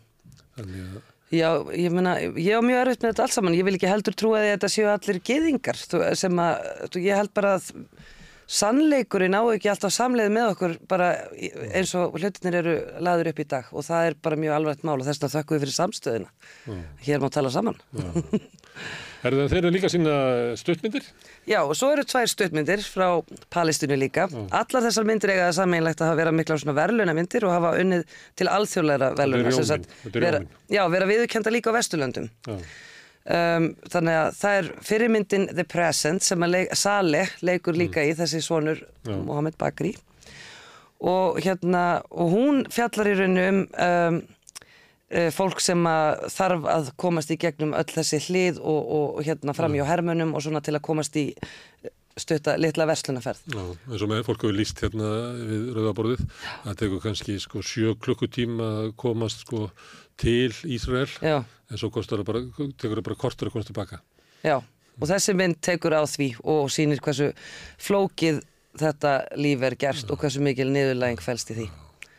Uh, hún er 25 mínútur og svo er ein alveg svakalega skemmtileg mynd og auðvitað uh, um þennan veruleika líka en hún er mjög skemmtileg og velgerð. Uh, a Boy, Wall and a Donkey sem að er bara svona örmynd eða þannig, hún er bara fjóru mínútur en erum hérna litla stráka sem að þrá að gera kvikmynd en eigi ekki kvikmyndatökubúnað og, og taka til sinna ráða og en hún sýnir líka hún er ákveðin speglun á það sem fólk býr við Þessu eru drengir, veggur og asni. já, Hvað, eh, asnin gerir það okkar hlutverkara. Og það veggurinn er náttúrulega aðskynnaða veggurinn á milli. já, Uh, já, já, já og Astin er þarna í stóru hlutverki líkil hlutverki Herðu, eh, þarna kemur líka reyndar, hérna, leikstjórin sem er reyndar líka að gera nýja mynd uh, af The Present fyrir stöðmyndinni og hún ætlar að tala við okkur í gegnum Zoom líka. þannig þið verðið með svona eh, spurt og svarað. Við verðum með spurt og svara fyrir, á eftir öllum viðbyrðunum og síðustu myndinni þarna, uh, The Time That Remains þá ætlar Ísold Uggadóttir leikstjóri uh, að vera með okkur og Jamal Avard uh, sem á hann sem er líka leikstjóri og leikari. Og, og, og Vajib að þá ætlar Fahad Jabali, kveikmyndagjara maður sem er uh, pappans frá Palestínu að vera með okkur. Og hann þekkir líka þetta fólk sem að gerir Vajib Mm. og hann ætlar að vera með okkur með Jamal Avar og hérna á eftir stuttmyndunum að þá erum við sagt með hérna Farah sem er leikstjóri The Present og Jamal og þau ætla að tala saman aðeins fyrir okkur. Að hlusta á. Já, þetta er eh, áminning um að, að það er auðug menning meðan palestinumanna Já. og jáfnvel þótt að þeir búi við ömulega staður að þá halda þeir upp í menningu og húmurnum og, og, og, og já. Þetta er bara fólk sem að eins og það byrtist í fréttum hjá okkur Já. því er haldið frá okkur að þetta sé manneskjur Já. sjáu þau náttúrulega haldandi á börnunum sínum dánum og E- hrópa Einmitt, og það er líka það er líka ákveðin svona fyrring eh, sem að ég held að hendu okkur hérna á Vesturlöndum í okkar bómull að þegar við sjáum bara hrundarbyggingar og rík og, og fólk grátandi og öskrandi og, og dáið eða eitthvað þaðan að vera aflimað að þá er líka eitthvað sem að eitthvað aftenging sem að kemur fyrir okkur og við, við sjáum þetta fólk ekki fyrir okkur bara búa til matinn og, og, og, og fari, vona það besta fyrir börnin sín og allt þetta sem við allir hinn gerum en þau gera það vís líka svona af mennskun sem að kemur í gegnum Já. hvernig þetta byrtist okkur þannig að það er svona helsti tilgangurinn er að við hugsum, hugsum um hvað þetta fólk hefur að segja Erðu, Bibi, við höfum eftir að segja eitt hvernig er þetta? Þetta er 28. januar Já. Og það eru þessar þrýr viðbyrðir, þrjú, uh, hérna 4.30 og síðan kortir yfir sjö. Okay. Og það má skoða þetta allt saman betur á bioparadís.is. Herðu, Takk fyrir þetta. Takk. Og uh, við segjum þetta sé botnin hjá okkur í kvöld við Rauðaborði. Ég þakka öllum gestónum sem hafa hingað komið og minningur á enn og aftur að þetta er samstagsverkefni okkar sem erum að búa til þætti hérna, hérna meginu við velarnar og hinum megin, gestana sem hinga að koma og ykkar sem eru að hlusta og horfa og ég hveti ykkur til þess að hjálpa okkur við að byggja þetta upp. Þið getið gert það með því að vísa fólki á samstöðuna, það er efni sem ykkur líkar og, og ef þið teljið að aðrir hefðu gott að því að heyra og sjá. E, þið getið bent á að við erum á Facebook og YouTube undir nafninu samstöðin. Við erum á öllum hlaðvarsveitum, þar getið þið bæði sótt samstöðuna, þá fóðu alla þættina sem hér eru en einstakki þættir eru líka, þið getið bara sótt á þið kjósið það frekar. Við erum í útvarpinu á Stórhauðborgarsvæðinu 89,1 á FM en það má líka sækja útarsendingarnar á spilaran, hann er á netinu spilari.is en spilarinn er líka app sem þið getið hlaðið niður í síman og hlustað á samstöðun og aðrar íslenskar útarstöður hvað sem er í heiminum. Við erum komin í sjónvarp til þeirra sem að fá sjónvarpið sitt frá símanum, vonandi koma önnur fjarskipta fyrirtæki á eftir og bjóða sínum viðskiptamennum líka upp á samstöðuna. Við erum nummið 5 á fjárstyringunni hjá símanum. Þið sem að viljið styrkja okkur í því að byggja upp samstöðuna geti gert áskrifundur. Þið farið þá inn á samstöðun.is og íti á hnappin áskrift. Það kostar 2500 krónur sem að mér er sagt að sé ódýrt fyrir það efni sem við erum búin til, því sem að viljið geta borga meira og því sem að kjósið geti látið áskriftin að renna sem félagsgjöldinn í e, alþjóðfélagið og það er alþjóðfélagið sem á og rekur samstöðuna. Allt efni sem að hér er og þið hafið verið að njóta er í bóði þeirra sem að greiða áskrift til samstöðunar. Sláðist endilega í hópin en ég segi takk fyrir í kvöld og góða nótt, sjáumst á morgun. Hvernig getur við réttlætt að helmingur eblingakvenna býr við slæma andlega heilsu? Ebling stjættarfélag. Baróta fyrir betra lífi. Félagar og forvitnir eru velkomnir í Sósilista kaffið alla lögadaga í bólótti 6 kl. 11.30. Tökum pásu frá kapitalíska hversteginum og njótum góðra stunda með félagum okkar. Segðu það á samstöðinni.